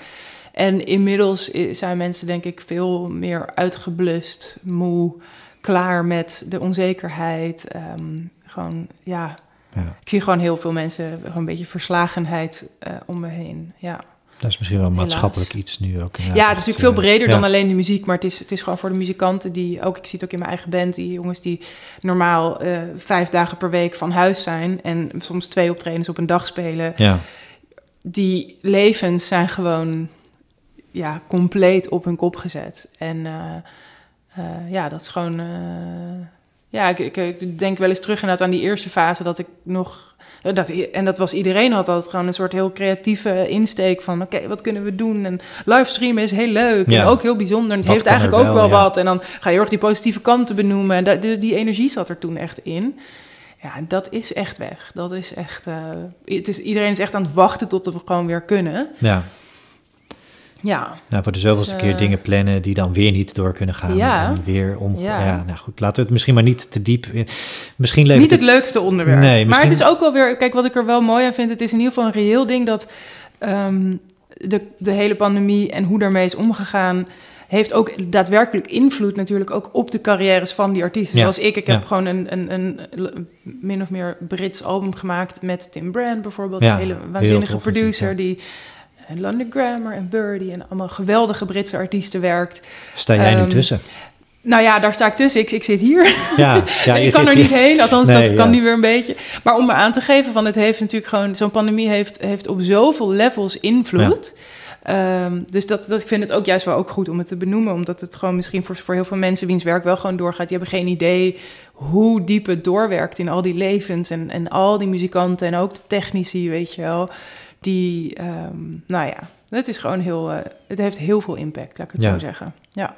Ja, het is goed dat je dat benoemt. Ik denk eh, dat dat voor heel veel mensen belangrijk is om dat ook blijven te benoemen dat dit... Ja, Ja, dan voel je ook iets meer veel gehoord of zo. ja, dat is ook belangrijk ja. dat je ook voelt van, van eh, ja, wij, wij bestaan ook. En we zijn niet, inderdaad, we staan niet in de frontlinie, maar we bestaan wel. En onze levens zijn ook allemaal aangetast hierdoor. Ja, zo is absoluut. het. En, en als we dan die struggle meenemen, is dat ook iets waar misschien weer een eh, nieuw... Of als we, als we er dan maar een creatieve draai aan geven, toch iets positiefs. Zit er dan weer een nieuw album in? Om, om uit deze uh, nou, shitzooi, om het zo maar even te zeggen... hè, wat, nou, laat ik het zo zeggen... eh, afsluiten, ik, ik wil graag weten, want, want duurzaamheid, klimaat, mental health... het zijn allemaal thema's waar je ja, over hebt geschreven. Uh, Mhm. Waar struggles zitten en waar dus ook liedjes zitten voor jou, wat dat Ja. betreft. Waar je ook heel uitgesproken over bent. En je bent Ja. ook de twee jaar voor Overflow één geworden met de natuur. Of in ieder geval veel de natuur opgezocht. En Ja, ja. veel bij jezelf gezocht. Maar eh, nou, daar past dit misschien dan weer bij. Gewoon waar we nu allemaal mee te dealen hebben, om het even populair te zeggen. Eh, is dat wel iets waar voor jou dan misschien creatief wel weer misschien toch een kleine spark zit? Ja, dat is een goede vraag eigenlijk. Ik heb, kijk, als ik over nadenk, dan mijn eerste instinctieve reactie is... ik wil gewoon zo snel mogelijk klaar zijn met corona. Is Ja. heel nou dat ik nog jaren daarover ga schrijven... en dat dan weer daarover moet gaan spelen. Zo. Maar ehm, nee, het is natuurlijk, het, het- deze hele fase doet gewoon heel veel met mij... en heel veel mensen om me heen. Dus, dus ik denk zeker dat artistiek dingen uit deze periode... zullen weer in nieuw werk verschijnen. Ehm, maar ik denk vooral eigenlijk, ja, toch dan ingezoomd op de kleinere verhalen, de verhalen dichter bij mij. Het gaat uiteindelijk, ik bedoel, ik, ik, ik voel niet een behoefte om een liedje over de pandemie te gaan schrijven. Nee. Of weet je wel, dat, dat voel, voel ik niet zo. Maar wel misschien inderdaad, wat doet het, wat doet het met je als, je als je controle verliest? Ik denk dat controleverlies een heel, ja, echt een thema is wat heel erg, nu heel erg speelt voor heel veel mensen Ja, eh, om mij heen en ook voor mezelf. Dat je, ja, we zijn natuurlijk allemaal ons grip verloren. Dus de plannen die we maken worden keer op keer afgeschoten of verplaatst. eh. Eh, dus die, die, dat controleverlies is bijvoorbeeld een thema waarvan ik me kan voorstellen dat het wel terug gaat komen, ja. Ja, Ja, maar nooit letterlijk over de pandemie. Dat lijkt me vreselijk. nee. nou, dan spreken we dat hierbij af. Deal. Die zitten niet. Gaat controleren. Ja. Nee, super. goed. Nee, nee, ja, nee, heel veel dank tot zover. Ook voor, voor al je verhalen en voor je openheid. En eh, ja, ik, ik eh, ja, heb aan je lippen gehangen. Ik vond het, Heel vond het heel mooi tot zover. Laten we eh, eh, dan, dan eh, als positief over naar de rubrieken gaan we nou. Want, want die dobbelstenen, dan gaan we het gewoon weer gezellig Super. maken. Super. Van de, de diepe thema's. Nee, dank tot zover. Ik, Jij bedankt. ja, Leuk en, om, om, om weer over het vak te praten. Precies. Ja.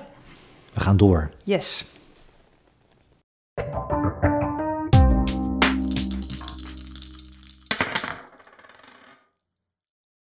We zijn weer klaar voor de rubrieken. Het vaste onderdeel, eh, eigenlijk het vaste tweede deel van iedere aflevering van Ben Praat. En ook met, eh met Celine gaan we dat vandaag doen. De doppelstenen, eh, ja, die, die lachen naar ons. Ze lachen ons toe en het is altijd weer spektakel. Overigens zijn we ook altijd, zoals iedere aflevering, weer benieuwd En neem ons dan even mee in, in je socials, @benpraat podcast op Instagram of op Twitter. En uh, tag Celine daar ook eventjes in. We vinden het heel leuk om even te zien als je deze podcast luistert, waar je zit, waar je je bevindt, hoe je aan het wandelen bent, uh, hoe je op de bank zit of, of wat je dan ook aan het doen bent. We vinden het leuk om te weten waar je deze podcast luistert. Dus, dus deel dat vooral ook met ons en neem ons even mee. Tag ons in je socials. Nou, dat uh, zover de administratie en de, de huishoudelijke mededelingen. Um, ja, de dobbelstenen liggen klaar. Wat we gaan doen, we gaan dobbelen. Daarna heb ik vijf dilemma's op maat, speciaal voor jou uh, samengesteld. En dan is het echt rug tegen de muur en je moet beslissen. uh, en we sluiten af met altijd de slotvraag, waar sta je? En dat is dan het Jeroen Pauw momentje, noem ik dat altijd maar. Maar uh, de, ja, de vraag waar jij over vijf jaar staat. En dat kan de ambitieuze route zijn, de droom die je misschien hebt. Of misschien een heel realistisch stappenplan, jaar voor jaar. En waar jij jezelf over vijf jaar ziet staan als je dat stappenplan volgt. Hmm. Nou, daar komen we straks allemaal achter. We gaan eerst dobbelen. Uh, je bent alleen, dus dat betekent dat, uh, dat je vier keer mag gaan gooien. En we doen dat gewoon uh, stuk voor stuk. Dus jij gooit, dan komt er een aantal ogen uit. En bij, die, bij dat getal hoort een vraag. Nou, de dobbelstenen, dobbelstenen zijn er echt. De tafel is er ook goed voor. Het is een, een mooie dobbeltafel. Ja, zal ik hem gooien? Ja, doe is maar. Is het zover? Ja. Nou, wat komt eruit? Drie. Mooi gegooid ook. Dat, ja, de luisteraars krijgen dat niet mee, maar het is altijd weer spektakel en dat was het ook nu. Drie. Uh, Celine, wat was jouw meest epische live show? Oeh. Ja, ik, uh, ik, ik, denk toch het optreden wat ik echt nooit zal vergeten was de, de Freefall album release. Ja? Uh, in Paradiso Noord was dat. En ja, dat was. Ik denk wat het, wat het zo bijzonder voor mij maakte, is gewoon dat het de eerste keer was dat ik met die hele band, al die elektronica, dat hele grootse en dat hele kleine, eigenlijk in één show um, kwijt kon. En het was ook gewoon een heel, ja, hele mooie beladen avond qua dat ik er eigenlijk jaren, toch jaren naar uit had gekeken om een keer op het punt te komen dat ik helemaal blij zou zijn met een album. En dat hele avontuur uh, was aangegaan. En ook het startschot, denk ik wel, van een soort nieuw deel van mijn carrière. En het voelde alsof ik nog steeds in dat hoofdstuk... Ja, het is nu weer een nieuw hoofdstuk, maar dat, dat ik voortborduur op dat hoofdstuk van... Ja, die, die enorme reis van dat album. Ja. Dus ja, dus dat, uh, ja, 14 december 2016. 14, die ja. markeren we hier als Ja, jouw meest dat- epische live show. Voor mij persoonlijk was dat denk ik, eh, ja. En dat was dan vooral omdat alles daar echt samenkwam, wat je Ja. zegt, van na zo'n reis van verschillende EP's, singles, Ja. eindelijk dat album. Maar ook gewoon de sfeer in de zaal. Het was gewoon echt, het was zo'n bijzondere avond. Het publiek was zo uitgelaten en ik was gewoon, ik stapte gewoon over al mijn angsten he- heen die avond. Ja. En, en ik heb op een gegeven moment ben ik de zaal ingegaan met mijn gitaar en heb ik akoestisch in het midden van de zaal gespeeld. Eh, heb ik volgens mij Hibernate gespeeld en ik ging daar staan en iemand zei, waarom gaan we niet zitten? En toen is die hele zaal, in ieder geval iedereen om mij heen, is gewoon spontaan op de grond gaan zitten, waardoor ik in mijn eentje zo in die, in, ja, letterlijk volledig omringd was door mensen, ehm, door mijn publiek. En ja, het was gewoon zo, zo bijzonder. En dat gebeurde, gebeurde zo spontaan. Ja, Oh, wauw. Ja, dus dat, ja, dat, dat, was gewoon. bij, ja. ja. dat zijn gewoon van die dingen. Er hing iets in de lucht of zo. Het was gewoon, het was zo'n bijzondere avond. Ja. ja. En, en wat, je, wat je mooi zei, als ik deze vraag nog even mag verdiepen. Mhm. eh, wat je zei van, van je angsten opzij gezet of overheen gezet, was dat ook letterlijk van angst opzij, dus ik stap het publiek in? Is het gewoon een soort letterlijke stap ook om nou, nee, ik had wel bedacht mensen- dat ik dat bij dat liedje, dat ik in ieder geval iets kleins zou gaan doen. Ehm, maar meer, ik denk de angst van, van ja, dit album voelde op dat moment heel gewaagd. Vanuit waar ik vandaan kwam voelde het als een hele grote stap. Eh, het was de allereerste keer dat ik met in speelde. Dus dat ik Ja. een deel van de band eh, op Ja. mijn oortjes hoorde... in plaats van alleen op de monitor Wezenlijk die normaal anders. aan je voeten Ja. ligt. Ja. Dus het was ook qua setup anders. En ik had gewoon... Ik denk dat dat ook de eerste show was dat ik echt alle toeters en bellen had. Dus eigen geluidsman, eigen licht. Gewoon de hele, het hele circus, zeg maar. ja, ja, ja. Ehm, ja, dus ik denk dat, dat, dat er kwam gewoon heel veel samen. Nou, super. Nou, die kwalificeert met recht als meest epische live show. Denk Gewoon ook wel. omdat het een soort ja, eh, scharnier in je carrière, je leven. Ja, was van de Ja. deur naar het volgende. Ja, Ja, heel mooi. Nou, dankjewel. Dank voor dit verhaal. dank. en dat, Nou, dat levert leuk. deze worp allemaal op. Ja. Nummer twee. We gaan het vier keer doen, hè? Vier keer, ja. Oké. Vier? Vier. Nou ja, je zit netjes. eh, we gaan het rijtje af. Ja, precies. Nee, vier. Ehm, ja, dat is ook een persoonlijke vraag. Eh, en, en dan gaat het in dit geval echt om, ja, niet zozeer een, een, een persoonlijke favoriet, maar de vraag is, wat is jouw beste liedje? Oeh. Op dit moment, en dat dit is een vraag die, die een ander antwoord oplevert op verschillende momenten, maar op dit moment is dat voor mij persoonlijk Birdsong. Dat Ja? is voor mij de track die, waar, ik, waar het meest in is samengekomen. Ja, denk ik. Denk ik. Ja, en, en dat is, dat is heel, heel, hele korte samen, dat is natuurlijk dubbel, maar korte samen. Hè, daarin is alles samengekomen. Maar wat, wat is dat alles dan voor jou? Waar, waarin in Beur? Want ik, ik, ik moet zeggen, het is.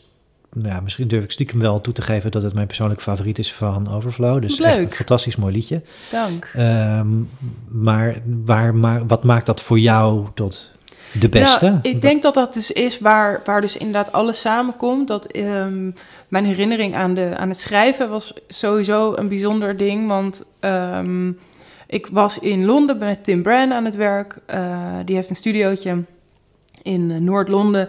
En we hebben daar toen twee dagen aan The Fire gewerkt, een ander liedje. Ja. Eh, en dat voelde, dat was ook een super mooi en organisch proces, maar ook gewoon hard werken eh, en dingen afmaken, dingen proberen. En we hebben gewoon in twee dagen dat hele liedje geschreven en opgenomen en heel veel, ehm, nou ook van de instrumentatie al eigenlijk daar ter plekke bepaald.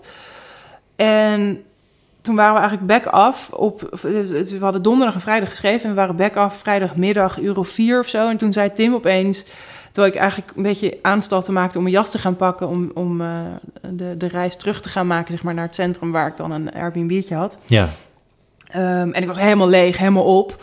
Eh, ik had echt alles gegeven. En toen zei hij van... eh, waarom, eh, waarom schrijven we er niet nog eentje? En ik weet nog dat ik echt dacht van... oh god, ik heb gewoon echt geen vezel in mijn lichaam meer over. Ik kan gewoon...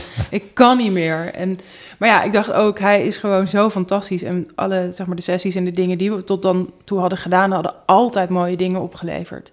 En ik dacht, ja, ik ben nu in Londen. Ik ben toch ook gek als ik nu naar huis ga... ja, omdat ik moe ben. Fuck dat. ja, ja. Dus eh, ik ben Ja. gebleven. Dus ik heb gezegd, nou, vooruit. Eh, Oké, ik heb wel gezegd, ik ben best wel moe, maar laten we gewoon proberen. En toen, nou ja, heb ik echt een soort van mijn ogen dicht gedaan. En alle kritische stemmen verdwenen. En ik was gewoon alleen nog maar aan het viben. Gewoon helemaal in het moment. En misschien ook wel gewoon een beetje high, een beetje stoned van het feit dat ik gewoon zo... Ik had al zoveel uur zo geconcentreerd gewerkt, dat ik gewoon... Ik had niet meer energie over voor een soort van heel erg critical thinking. Dus ik vloeide echt gewoon door de ruimte. En ja, we hebben gewoon allebei... eh, Ja, hij, hij toetsen en ik gitaar en gewoon aan het viben. En de tekst rolde er gewoon uit. Dus het was, ja... Dat is gewoon niet, niet te vergelijken met hoeveel heel veel sessies eh, gaan... of hoe ik soms zelf in mijn eentje dingen schrijf... dat ik heel erg ervoor moet gaan zitten Ja. en gaan nadenken. En weet je wel, het was zo organisch. En ik denk dat je dat uiteindelijk... er was, zit gewoon iets ongrijpbaars in dat liedje. En dat is voor mij dus ook ongrijpbaar. ja. Dat is iets wat gebeurt, wat je overkomt en wat je niet kunt afdwingen. En dat is gewoon als elke keer nog steeds als ik dat liedje hoor, dan voel ik die onbevangenheid daarin. En die ik dus zelf ook, ik kan het dus ook niet herproduceren. Ik kan ook niet proberen nog zoiets te doen, want dat was dat moment. Dus eh, ja, daarom wilde ik hem ook als opener van het album doen, want omdat het gewoon zo'n ook zo'n kernmoment was in het proces van dat album. ja. Ja, Ja, mooi hoor. Dat, dat, dat heb je mooi gevangen, denk ik. En ik denk dat dat ook goed is om, om te benoemen dat dat zo'n uniek moment is. Zo'n Ja. uniek iets. En, en ja, goed dat je zegt dat je dat niet... Je kan dat niet nog een keer opzoeken. Je, Nee. dat, dat moment is er, dat moet je grijpen. En denk, ja, eeuwig dankbaar jijzelf, maar wij ook allemaal... dat je dat moment toch gegrepen hebt op die vrijdagmiddag Leuk, dat jij dat was. zegt. Ja. Want ja, ik, ik- voor mij is het nog los van publiek en wie het hoort en wie het mooi vindt. Dat ik gewoon voor mezelf inderdaad een soort dankbaarheid voel dat, dat ik dit soort dingen eh, mag meemaken in mijn vak. Weet je Ja. wel? Dat je, want er zijn heel veel dingen zijn leuk, heel veel dingen zijn moeilijk. Het hoort er allemaal bij. Maar dit zijn voor mij wel echt de pareltjes. De momenten dat Ja. ik echt denk, oh, dit heeft, heeft iets divines. Terwijl ik ben niet gelovig of zo. Maar gewoon toch iets wat heel veel andere dingen overstijgt qua ervaring. Ja. Ja. Nou, koesteren. Ja, ja zeker. Mooi. Ja, en hij werkt ook mooi live. Hebben we in ieder geval bij Jan Douwe Kroeske in de ballroom Ah. al even kunnen horen. eh, dat, ja, je hebt hem zelf verder dan alleen nog maar gespeeld bij de album release. Maar Ja. Eh, dit is er ook eentje die volgens mij eh, vast op de setlist kan blijven staan. Ja, zeker, zeker. Die gaat voorlopig nergens heen. Mooi. Ja, Tof. Nou, weer mooie. Nog een keertje, mooie- ja, dan zou je nu wel vijf gaan gooien. we gaan het zien. Kijken waar we nu heen gaan. Ik doe mijn best. Nee, elf. Nee, heel hoog. Elf. ja, eh, ja dit, dit, dit neigt misschien al een beetje naar die vraag over waar sta jij over, over vijf jaar. Maar deze hoeft niet concreet in vijf jaar gevat te worden. Maar welke muzikale droom heb jij? Op dit moment dat ik überhaupt weer kan spelen. Oud spelen. nou, klaar. Volgende worp. Ja. ja, mijn muzikale droom is om met dit album eh, te gaan toeren ehm, en te laten horen wat, wat dit album live kan worden. Ehm, want daarvoor heb ik het ook gemaakt. Ik maak albums ook echt met live in het achterhoofd. En ja, mijn, mijn muzikale droom is om echt om dit album en de live show te kunnen gaan verdiepen. En steeds beter te maken en, en heel onvergetelijk en heel erg mooi te gaan maken. Ja. Ja, dat wil ik heel graag. En dat is het moment waar we allemaal op wachten nu Ja. ook. En, en- ja, en, en waar volgens mij ook, ook je fans op zitten. Wil je d- Daar heel veel even naar terug ook. Want, want je zei dat sommige mensen, 2009, 2010, volgen je al vanaf dat moment. En Ja. die hebben echt heel je carrière in het publiek gestaan. Eh, voel jij ook echt, ik, ik, ik zie dat je daar op, op de socials in ieder geval ook, ook heel veel die interactie opzoekt. Eh, je reageert op mensen en, Ja. en bent heel erg eh, gedreven daarin om ik denk ook dat je dat om je shows heen eh, doet, de mensen opzoekt. Maar is dat echt iets waar je, ja, wat voor jou onderdeel is van, van het geheel? Het publiek, het contact met de mensen. Absoluut. Ik denk dat daar heb ik nooit eh, heel actief over nagedacht. Dat was gewoon zo. Toen ik begon met spelen, ook toen dat cafeetjes in Amsterdam waren, dan, ja, dan, dan probeerde ik echt ehm, niet een soort enorme afstand tussen de artiest en het publiek te creëren, maar juist gewoon daar gewoon ook als mens te staan en, met, en, en te praten met mensen. En ik denk dat een deel van die uitwisseling is ook wat ik er ook leuk aan vind. En wat mij ook energie geeft. Dat ik, dat ik ehm, contact heb met allerlei soorten mensen, allerlei leeftijden, op allerlei verschillende plekken kom Ja, door dit werk. Ehm, dus ja, die interactie hoort er voor mij heel erg bij. Je hebt mensen die echt veel meer. Nou ja, die, die willen, als het, als het even niet hoeft, dan komen ze niet eens signeren, weet je wel. Terwijl ik dan Ja, ja, ja. juist, ik vind het heel fijn om ehm, juist als mens daar ook onderdeel van te zijn. Ja. Voor, voor, zover dat kan, zeg maar. Omdat je, er is natuurlijk wel een soort ding dat je, je staat wel op dat podium. Mensen kijken Ja. op een bepaalde manier naar Ja. je. Maar ja, ik hou wel van die interactie. ja mooi, mooi gezegd. En misschien is het daarin ook wel symbolisch als we teruggaan naar die meest epische show, waarbij je zegt, daar stond je letterlijk tussen de mensen Ja, te ja. spelen. Dat ook misschien in die zin wel typeert hoe je dan ten opzichte van die mensen, jouw luisteraars, jouw publiek staat. Ja, het, ik vind dat eigenlijk het meest prettige vorm is dat je soort tussen de mensen kan staan, maar wel iets te geven hebt. Ja, Ja. Ehm, maar ik hoef me niet super verheven te voelen of zo. Terwijl, de, dan moet ik ook zeggen, de andere kant van de munt is dat het ook lekker is om ehm, dat grootste gevoel te kunnen hebben en wel zeg maar helemaal voor zo'n band te staan. Dat heeft ook, weer, dat heeft ook echt iets. Ehm, maar aan het einde van de dag denk ik, als ik naar, mijn- naar mezelf kijk en mijn eigen persoonlijkheid, denk ik dat ik eigenlijk ja, gewoon heel dicht bij dat publiek, dat ik me daar wel heel erg thuis in voel. ja. Ja. Nou, mooi. Nou, laten we hopen dat je er snel weer staat. Ja, dank. Ja. Laatste worp. De laatste worp. Het is tot nu toe eh, spectaculair geweest. De dobbelstenen worden goed warm gevreven. Nou, Spektakel, ja, zeven. zeven. Mooi. Ja, dat is in, in- mooi in het midden. En ehm, ja, dit is een vraag die, eh, die, die kan voor Nederland gelden of internationaal. Bedenk zelf maar waar je heen wil met deze vraag. Maar eh, ja, en het, het kan ook zijn dat je dit helemaal niet wil. Maar bij wie zou jij ooit nog wel eens in het voorprogramma willen spelen? Oeh, wat een goede vraag. Maar het kan ook zijn dat je eigenlijk altijd headliner wil zijn. Maar ik kan me Oh voorstellen nee, ik, misschien ik heb dat ook je... eh, door de jaren heen heel erg eh, genoten van voorprogramma spelen. Ehm, nou, andere. eigenlijk, ja, ik heb inderdaad voor Heven Ja. een aantal keer gedaan. En ja, ik heb best wel, best wel wat eh, supports gedaan. Eh, wat ik echt heel tof zou vinden is om een keer dat bij Fink te doen. Ja, Omdat ik vind natuurlijk al heel lang ken eh, en we samen hebben gewerkt echt toen ik nog super jong was en, en groen als gras en zo. 2013 hè, je EP eh, destijds. Ja. ja, die hebben we in 2013 echt geschreven, opgenomen en uitgebracht. Allemaal in dat jaar volgens mij. Ja, zeer de moeite waard om nog eens te Ehm, luisteren. Mensen checken het ook allemaal. Leuk, hè. Ja, ja ehm, maar ik ben gewoon al, al heel lang fan van hem. En hij, ehm, heeft hele mooie concerten in, eh, in Paradiso gegeven, die dan semi-seated waren. Dus eh, het- midden in de zaal zit iedereen en aan de rand is- en achterin stond iedereen. Ja. Dat bijvoorbeeld zo'n soort setting, dat zou, ik heel vet vinden om, eh, om daar bij te zijn. En hij heeft een keer een concert gegeven in, in het concertgebouw in de grote zaal, maar dan alle stoelen eruit. Dus dat was ook een hele Mm. bijzondere setting. Toen heb ik mee eh, wat koortjes gezongen. Dat was wel heel leuk. Toen, we wat, eh, toen heb ik wel met hem op het podium gestaan. Maar dat was echt maar twee liedjes of zo. Ehm, en ja, het lijkt me echt geweldig om een keer mee te gaan naar... eh, ja, het, in het liefst internationaal. Ja, Ja, ik denk gewoon, hij heeft mij muzikaal zo beïnvloed... dat het zou voor mij heel erg full circle zijn... als ik een keer voor hem zou kunnen openen. internationaal support. En dan Ja. solo of met band? Kleine bezetting, grote bezetting? Ik, nou, ik denk eigenlijk realistisch gezien dat dit soort support juist solo heel leuk zijn. En hij is, Ja. hij is natuurlijk een trio met een band daaromheen, maar ehm, ik kan me voorstellen dat, eh, dat ik dat juist solo heel leuk zou vinden. Ja. Ik hou er ook wel van dat je voor. Ik heb het vaker gedaan dat, je, dat ik in mijn eentje met gitaar eh, in een in bijvoorbeeld Grootzaal Paradiso. Eh, bijvoorbeeld het voorprogramma van Askier gedaan. Ja, En dan kent het publiek kent jou in principe niet. En je komt in je eentje met een gitaar op. Er zit gewoon zo'n uitdaging in om dan die zaal te kunnen pakken, echt te kunnen winnen. grijpen. ja. Eh, dus dat vind ik juist solo vind ik dat heel spannend. ja. En, en dat maakt, die spanning maakt het vaak denk ik ook daardoor nog soort van levendiger en ja.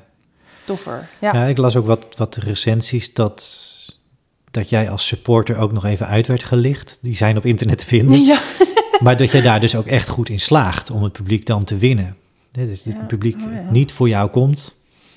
Waar voor jou dan misschien wel een kans ligt van... hé, hey, leer mij kennen. Ja, ja dat is de, uitdaging. En, en dat, dat lukt soms wel en soms niet. Dat heb ik, ook, ik heb dat ook moeten leren om dus over Ja? die angst heen te gaan. Ik heb, in het begin dacht ik echt, ja, ze komen niet voor mij. Dus eh, ja, ze, ze zullen het wel niks vinden. Ja, of ja, eh, ben ik wel goed genoeg? Ging ik heel erg aan mezelf twijfelen. Terwijl later kwam ik eigenlijk achter dat door juist heel erg eh, jezelf te zijn... en gewoon te accepteren dat dit zijn mijn liedjes, dit is mijn stem... dit is hoe ik hier sta, ehm, deal with it. Ja, ja. Dat mensen, eh, en dan zijn er nog steeds, er kunnen er prima mensen zijn voor wie het niks is. En dat is ook helemaal niet erg. Maar de mensen die dan, ehm, voor wie het wel wat is, die, dat die echt, echt geraakt en gegrepen kunnen worden. En ja. dat, dat, die, ik bedoel, ik zie nog steeds ook al eh, in de zalen nu mensen die zeggen: Oh, ik heb je toen bij dat voorprogramma leren kennen. Inderdaad, bij Haven, bij Askier. Ik heb eh, nou ja, allerlei voorprogramma's gedaan.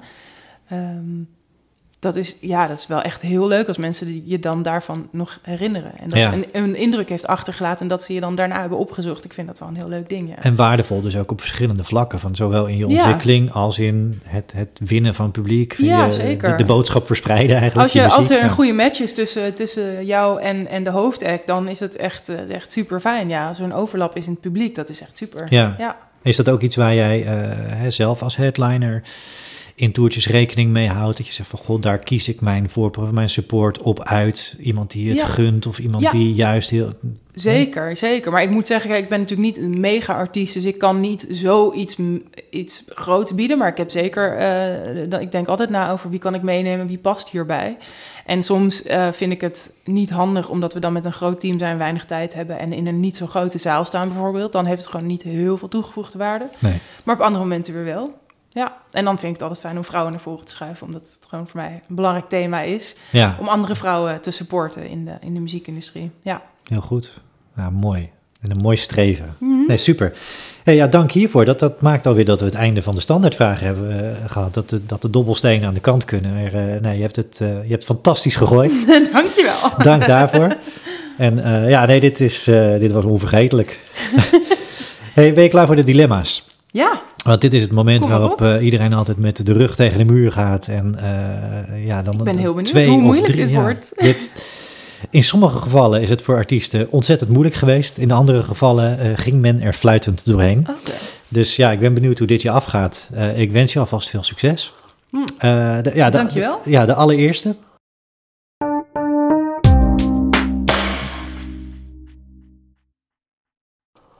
Dat zijn er drie waar je uit kan kiezen. En je mag er dus één kiezen. En het is echt het dilemma rug tegen de muur. Kies er één. Eentje kiezen. Clubshow, theatershow of concertgebouw. Concertgebouw. Ja, dat zei je ook zonder knipperen. Ja, Deze is veel te makkelijk. die is te mak, maar dat Maar komt, de dat komt ja. ook, dat de grap is dat ik nu ook een, een tour voor me heb liggen waar alle drie in zitten. Precies, ja. En dat ik dan bij Concertgebouw, ja, daar maakt mijn hart gewoon een sprongetje. eh, en hij is uitverkocht, dus dat maakt ook de associatie voor mij nog iets leuker. dat je denkt, dat wordt gewoon een heel bijzondere avond. ja. Ja, Potentiële, nieuwe, meest epische Wie show. weet. Ja. wie weet. Maar is er, dat wil niet zeggen dat je clubshows en theatershows helemaal niks vindt natuurlijk. Nee, Dat- nee, nee. het Ik verheug echt- me op alle shows. Ja. Eh, absoluut. Nee, het is, het is alleen met, met Concertgebouw. Het is ook nog eens in mijn thuisstad. Ja. En eh, dat betekent ook dat er ook vaak dan gewoon toch allerlei bekenden ook komen. Mijn ouders zijn erbij en dat soort dingen. Dus ja, daar komt dan zoveel samen. Ja, Eh, nee, maar ik geniet evengoed heel erg van andere shows. Andere type shows, ja. ja. Nee, maar, maar die staat genoteerd. Ja. En overigens voor, eh, voor de vorige vraag voor het programma Vink mag je natuurlijk ook gewoon mailen, bellen. Want hij zal je nummer wel hebben. Ja, Eh, daar, eh, dat, is ook, dat is ook genoteerd. Dus als Ja. die luistert, ja even de vertaler aan. Maar, precies. Ehm, volgende dilemma. Deze was te makkelijk. Hm. Studio of live? Het is inderdaad.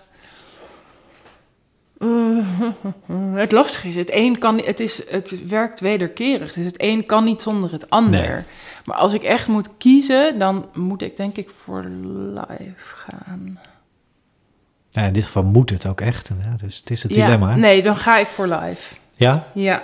ja. En, en wat geeft dan nu op dit moment de doorslag? Dat je nou, als het echt moet, dan live? Nou ja, de, ik denk toch gewoon het, het, de interactie met de band. Het feit dat ik dan... Ja, ik, ik kan me gewoon zo compleet voelen als ik... Als alles samenkomt in een live show. Ehm, dat is gewoon... Ja, dat, ik vind dat niet te vergelijken toch met andere ervaringen. Maar ja, aan de andere kant, als ik daar dan zeg maar zo'n proces als met Birdsong tegenover zet... Dat is, Ja. ja, dat is ook een beetje hetzelfde gevoel wat ik in de allermooiste live momenten heb ik ook dat gevoel dat ik opgetild word. Maar als ik echt moet kiezen, dan kies ik voor live. Ja. Ja.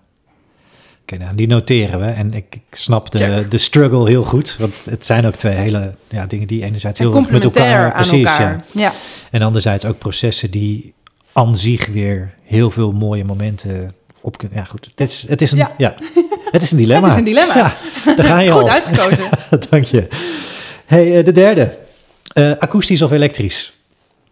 Gitaar bedoel je? Ja, nou ja, gitaar en show. Ja, dan toch akoestisch, denk ik. Ja? Ja, ik heb, een, dat- ik heb een fantastische gitarist die van, Ja. van waanzinnig eh, goed elektrisch speelt.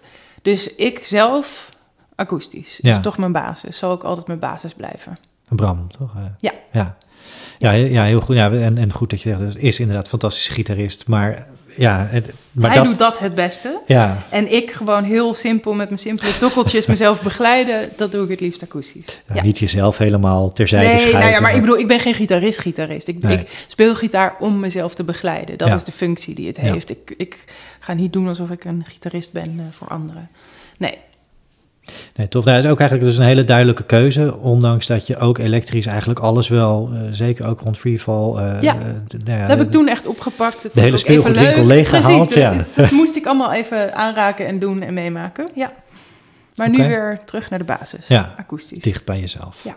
Oké, nee, duidelijk. Dilemma 4. en dan hebben we het over, over toeren in dit geval. Maar Europa of de VS? Europa. Ook heel gedecideerd. Ja. Ja. ja, maar het zijn gewoon van die thema's waar, waar, waar je natuurlijk, waar ik ook gewoon mee te maken heb. Ik heb, ja, ik vind Amerika echt een, of de VS, een fantastisch land. Ehm, en ik heb er met heel veel plezier gewerkt. En, Ja. en, en elke, elke keer dat ik er eh, heb gezeten en dat ik er heb geschreven en, en heb gewerkt aan nieuwe muziek, heel veel geleerd, maar het is en blijft een, toch een ver van mijn bedshow. Gewoon de cultuur daar, de manier en ook de entertainment business, hoe groot het is. Het is gewoon, het staat zo ver van me af. Terwijl Europa, ik hou gewoon heel veel van Europa. En Ja. ik hou inmiddels ook zielsveel van Londen. Eh, mijn vriend is Duits, dus, die, dus de connectie met Duitsland en met name Hamburg is er heel erg in Berlijn, waar Ja, ik ook veel ja. heb geschreven en eh, dingen heb gedaan. Gespeeld ook, toch? Het, Eh, nee, volgens mij heb ik in Berlijn gespeeld. Ik heb, ik heb in ieder geval wel wat, Wel wat, hè? Ja. wat showtjes ook er, er in de buurt gedaan. Eh, maar dat zijn eigenlijk een beetje de plannen die, die er ooit lagen voor dit album. Maar Ja. waar nu de tijd helaas niet voor is. Nee. Ehm, maar dus Duitsland, eh, Frankrijk, waar ik heel veel in mijn jeugd ben geweest. eh, Italië, waar ik nog steeds heel graag kom. Ja, ik hou gewoon heel erg van Europa. En het idee dat je in Europa kunt toeren en gewoon niet de oceaan over hoeft. Niet hoeft te vliegen als het niet echt nodig is.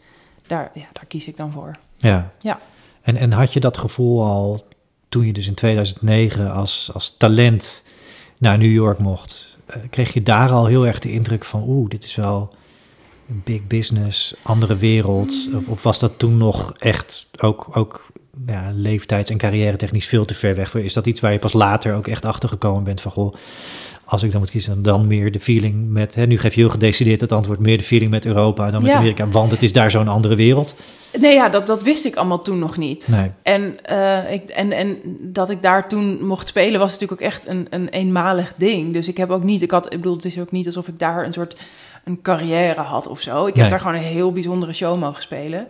Ehm, maar dat heb ik dan toen ook wel zo ervaren van dit is gewoon heel bijzonder en eenmalig en geniet er maar heel erg van. Ja, ja, ja. Ehm, ik denk ook, wat wel echt een, wat altijd zo is geweest, dat ik gewoon niet kan voorstellen dat ik heel ver van, van mijn familie zou wonen ooit.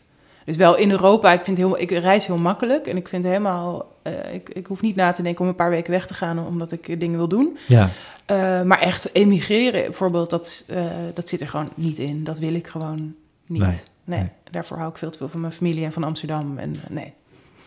In Europa kan je altijd weer makkelijker thuis ja, komen. ik kom, al, Ja. ik kom zo thuis. Ja, Het kan in een dag. ja je kan heen en weer. Ja. Absoluut. Nee, super. Nee, heel, heel duidelijk antwoord en ook heel stevig en uitgebreid onderbouwd. Dank daarvoor.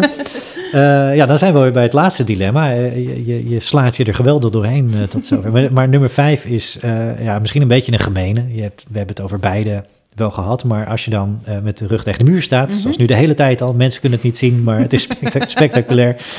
Maar solo of met band? Met band. Ja, Ja, en, en de reden is denk ik ook dat ik juist ook met mijn band dynamiek kan maken. Met mijn band kan ik ook heel klein spelen en Ja. kan ik ook heel groot spelen. En in mijn eentje kan ik alleen in mijn eentje spelen. dat is mooi gezegd.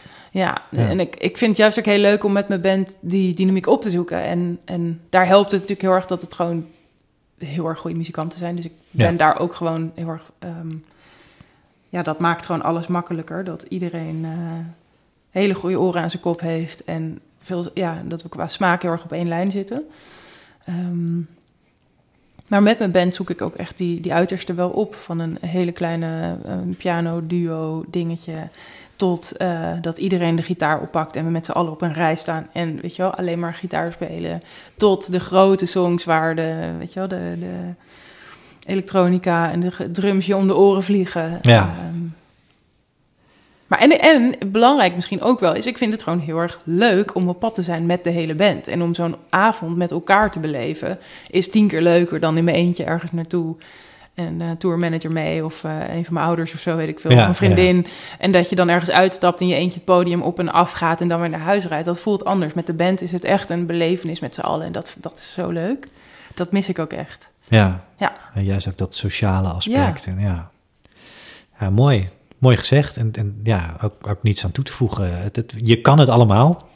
Maar als je, en je doet het ook ja. allemaal. eh, Ik doe het ook perfect, allemaal Maar, naast elkaar wel. maar ja. als je de keuze hebt, dan toch echt de band. En Ja. dat vind ik ook heel mooi dat je, dat, dat staat notabene in je bio. Eh, dat je, eh, ja, dus je zegt van het project heet wel, we begonnen ermee, het heet wel. Geheim, maar we zijn een band. ja. En dat je dat hier eigenlijk nog, nog benadrukt door, eh, ja, door, door, door, door dit betoog. Dankjewel. dank. Ja, de dilemma's die, eh, ja, glansrijk. dat is denk ik eh, het woord dat hier past.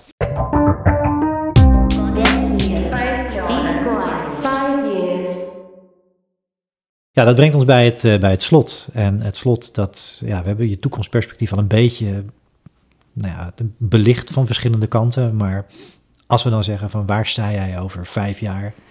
Ja, welk antwoord? Het mag dus ambitieus, Mhm. maar het mag ook heel realistisch, dat stappenplan jaar voor jaar. Ik weet niet of je dat hebt liggen misschien ergens. Dat maar... heb ik sowieso niet liggen. Nee. Ik denk, daar ben ik juist in de coronatijd mee gestopt. Ja. Om, eh, Weg om met te- stappenplannen. Te, ja. concrete plannen te maken, omdat het gewoon, gewoon echt niet gaat. Nee. Maar, maar in grote lijnen, wat ik, nou ja, wat ik hoop over vijf jaar, is dat ik dan minimaal één echt heel, heel stevig nieuw album heb. Dus dat er weer een opvolger komt waarin ik weer een, een, een nieuwe wereld, hè, een nieuwe wereld voor me open gaat en, en er een nieuw hoofdstuk is ontstaan artistiek. Ja. Ehm, en ik hoop heel erg dat ik de komende jaren met dit album uh, alsnog echt kan gaan spelen en dat kan gaan uitbouwen. Want dit album voelt voor mij zo. Um, ja, er is gewoon zoveel samengekomen. En ik heb een, het gevoel dat dit, dat dit het album is waar ik meer veel meer lagen van mezelf in laat zien. Veel meer dan Freefall, waar, wat een heel mooie zoektocht was. En dat heeft een bepaald resultaat. Maar met dit album voel ik echt dat het fundament heel stevig is. En dat ik dat, ja, dat ik de kans wil krijgen om dat helemaal uit te bouwen. En gewoon heel erg goed live te gaan neerzetten. Ja. Um, dus dat, ja, het wordt spannend vanaf wanneer dat kan. Maar ik ben in ieder geval niet van plan om, uh, om nu alweer aan een nieuw album te gaan beginnen. Ik voel juist, ik wil gewoon door met dit album en het uitbreiden. En ja. inderdaad wat mooie versies misschien maken. Dat soort dingen, daar speel ik wel mee. Uh, daar heb ik nog geen keuze over gemaakt. Maar dat, ik denk dat ik nog wel wat zal voortborduren ja. op dit album. Um, maar dat ik daar nou zeker uh, nog een hele goede tour mee kan doen. En, uh, en hopelijk wat buitenlandshowtjes kan gaan spelen. Voordat ik weer aan een nieuw hoofdstuk begin. Want er moet ook, er moet ook geleefd worden weer voordat er een Ja, nieuw tuurlijk. album kan Ja, komen. Ik wil ja. niet vanuit waar ik nu ben, waarin de tijd heel erg op elkaar lijkt en zo, om, om nu aan iets nieuws te beginnen. Ik wil juist weer reizen, nieuwe mensen leren kennen, ehm, mezelf bevragen, leven en dan, dan pas weer gaan schrijven. Althans, niet gaan schrijven, schrijven doe ik in principe altijd wel, maar dan pas weer echt met een doel te gaan schrijven. Ja, dus eerst veel dingen op de plank leggen en, en dat dan weer oppakken op een Ja, bepaald moment. En dat je- er weer wat te kiezen valt, Ja, in plaats van ja. meteen door willen, te snel zo. Ja, En het album is natuurlijk ook net uit, dus het is ook logisch dat ik... Ja, ik kan gewoon nu nog niet denken ja. aan, aan een volgend album. ja, en frustrerend genoeg is het album volgens mij ook gewoon op alle plekken waar erover te lezen valt heel goed ontvangen. En, en dan wil je, ja, sorry, ja, Ja, sorry nee, ja, dat, dat ik het is, het is, het is, het is, ja, het is, het is heel mooi, maar het is ook inderdaad een beetje wrang dat ik voel van, het is, eh, het is inderdaad heel erg mooi ontvangen in pers en het wordt ook wel gestreamd. En Ja. Dus het is, ik, ik, ja, ik krijg, ik krijg ook van mijn fans gewoon hele mooie reacties. Dus ik, ja, ik, ik, ik en de band staan gewoon best wel te trappelen om het ja, te laten ja. horen. En dat is gewoon best eh, wel even slikken dat dat in ieder geval nu nog niet kan. Ja. Maar wie weet dat er over 1, 2, 3 maanden dat, eh, dat het weer kan. Ja, Ja. Ik heb in ieder geval wel bedacht dat ik niet heel veel concessies wil doen aan die live show. Dat ik niet ehm, de hele show wil gaan uitkleden zodat het op anderhalve meter kan. Ik heb daarover nagedacht. Eh, maar ik voel nu wel echt, ik wil gewoon. eh, ik wil het album spelen zoals ik het bedoeld heb. En niet daar heel veel. Ik kan wel af en toe een klein showtje spelen als ik dat leuk vind om op een akoestische show te spelen. Maar de clubshows en de theaterzalen die er staan, die wil ik eigenlijk gewoon in volle glorie kunnen spelen. Ja. En anders verplaatsen. Ja. even geen concessies meer, geen Nee, compromis. Ja. nee, nee, nee, nee. Ja, ik, ja ik, ik gun je dat van harte. En het is je ook ontzettend gegund met zo'n prachtig album. En zo'n rijke carrière inmiddels met, met mooie muziek. En eh, ja, heel veel dank voor je, voor, je, voor je verhaal. En dat ik hier mocht zijn. Ik vond het echt een, een groot genoegen en een hele eer dat je ook in de podcast wil. Ehm, ja, ik heb er ontzettend veel plezier uit. Ik heb genoten van het gesprek. En, Ik ook. nou ja, ik, eh, Dank voor, dank voor, de, voor ook de, de mooie vragen en voorbereiding. Dat is altijd heel fijn als je het echt even over de inhoud kan hebben. En eh, ja, Ja, nou, dat vond ik... bijzonder. het- Ja, fijn. eh, ja, nou, deze wolk van wierook en, en lof. Het, het is... Nee, laat ik, ik vind het heel fijn, heel mooi. Nou, voordat we vijf minuten lang eh, elkaar allerlei lof toe we, we gaan hier afsluiten. Eh, ja, heel veel dank voor eh, dat ik hier mocht zijn. En de luisteraars, dank voor het luisteren. Graag tot een volgende keer. En, en ga alles van Celine streamen. Eh, speel YouTube vannacht eventjes uit. Of in ieder geval, ga er even goed voor zitten. Er is zoveel te vinden en er is zoveel moois. eh, om echt even eh, al haar kanten te leren kennen wat dat betreft. Eh, en, en, en hou haar in de toekomst in de gaten. Ga haar live checken. Nou, noem het maar op. Met band. Dankjewel. We zeggen voor nu doei.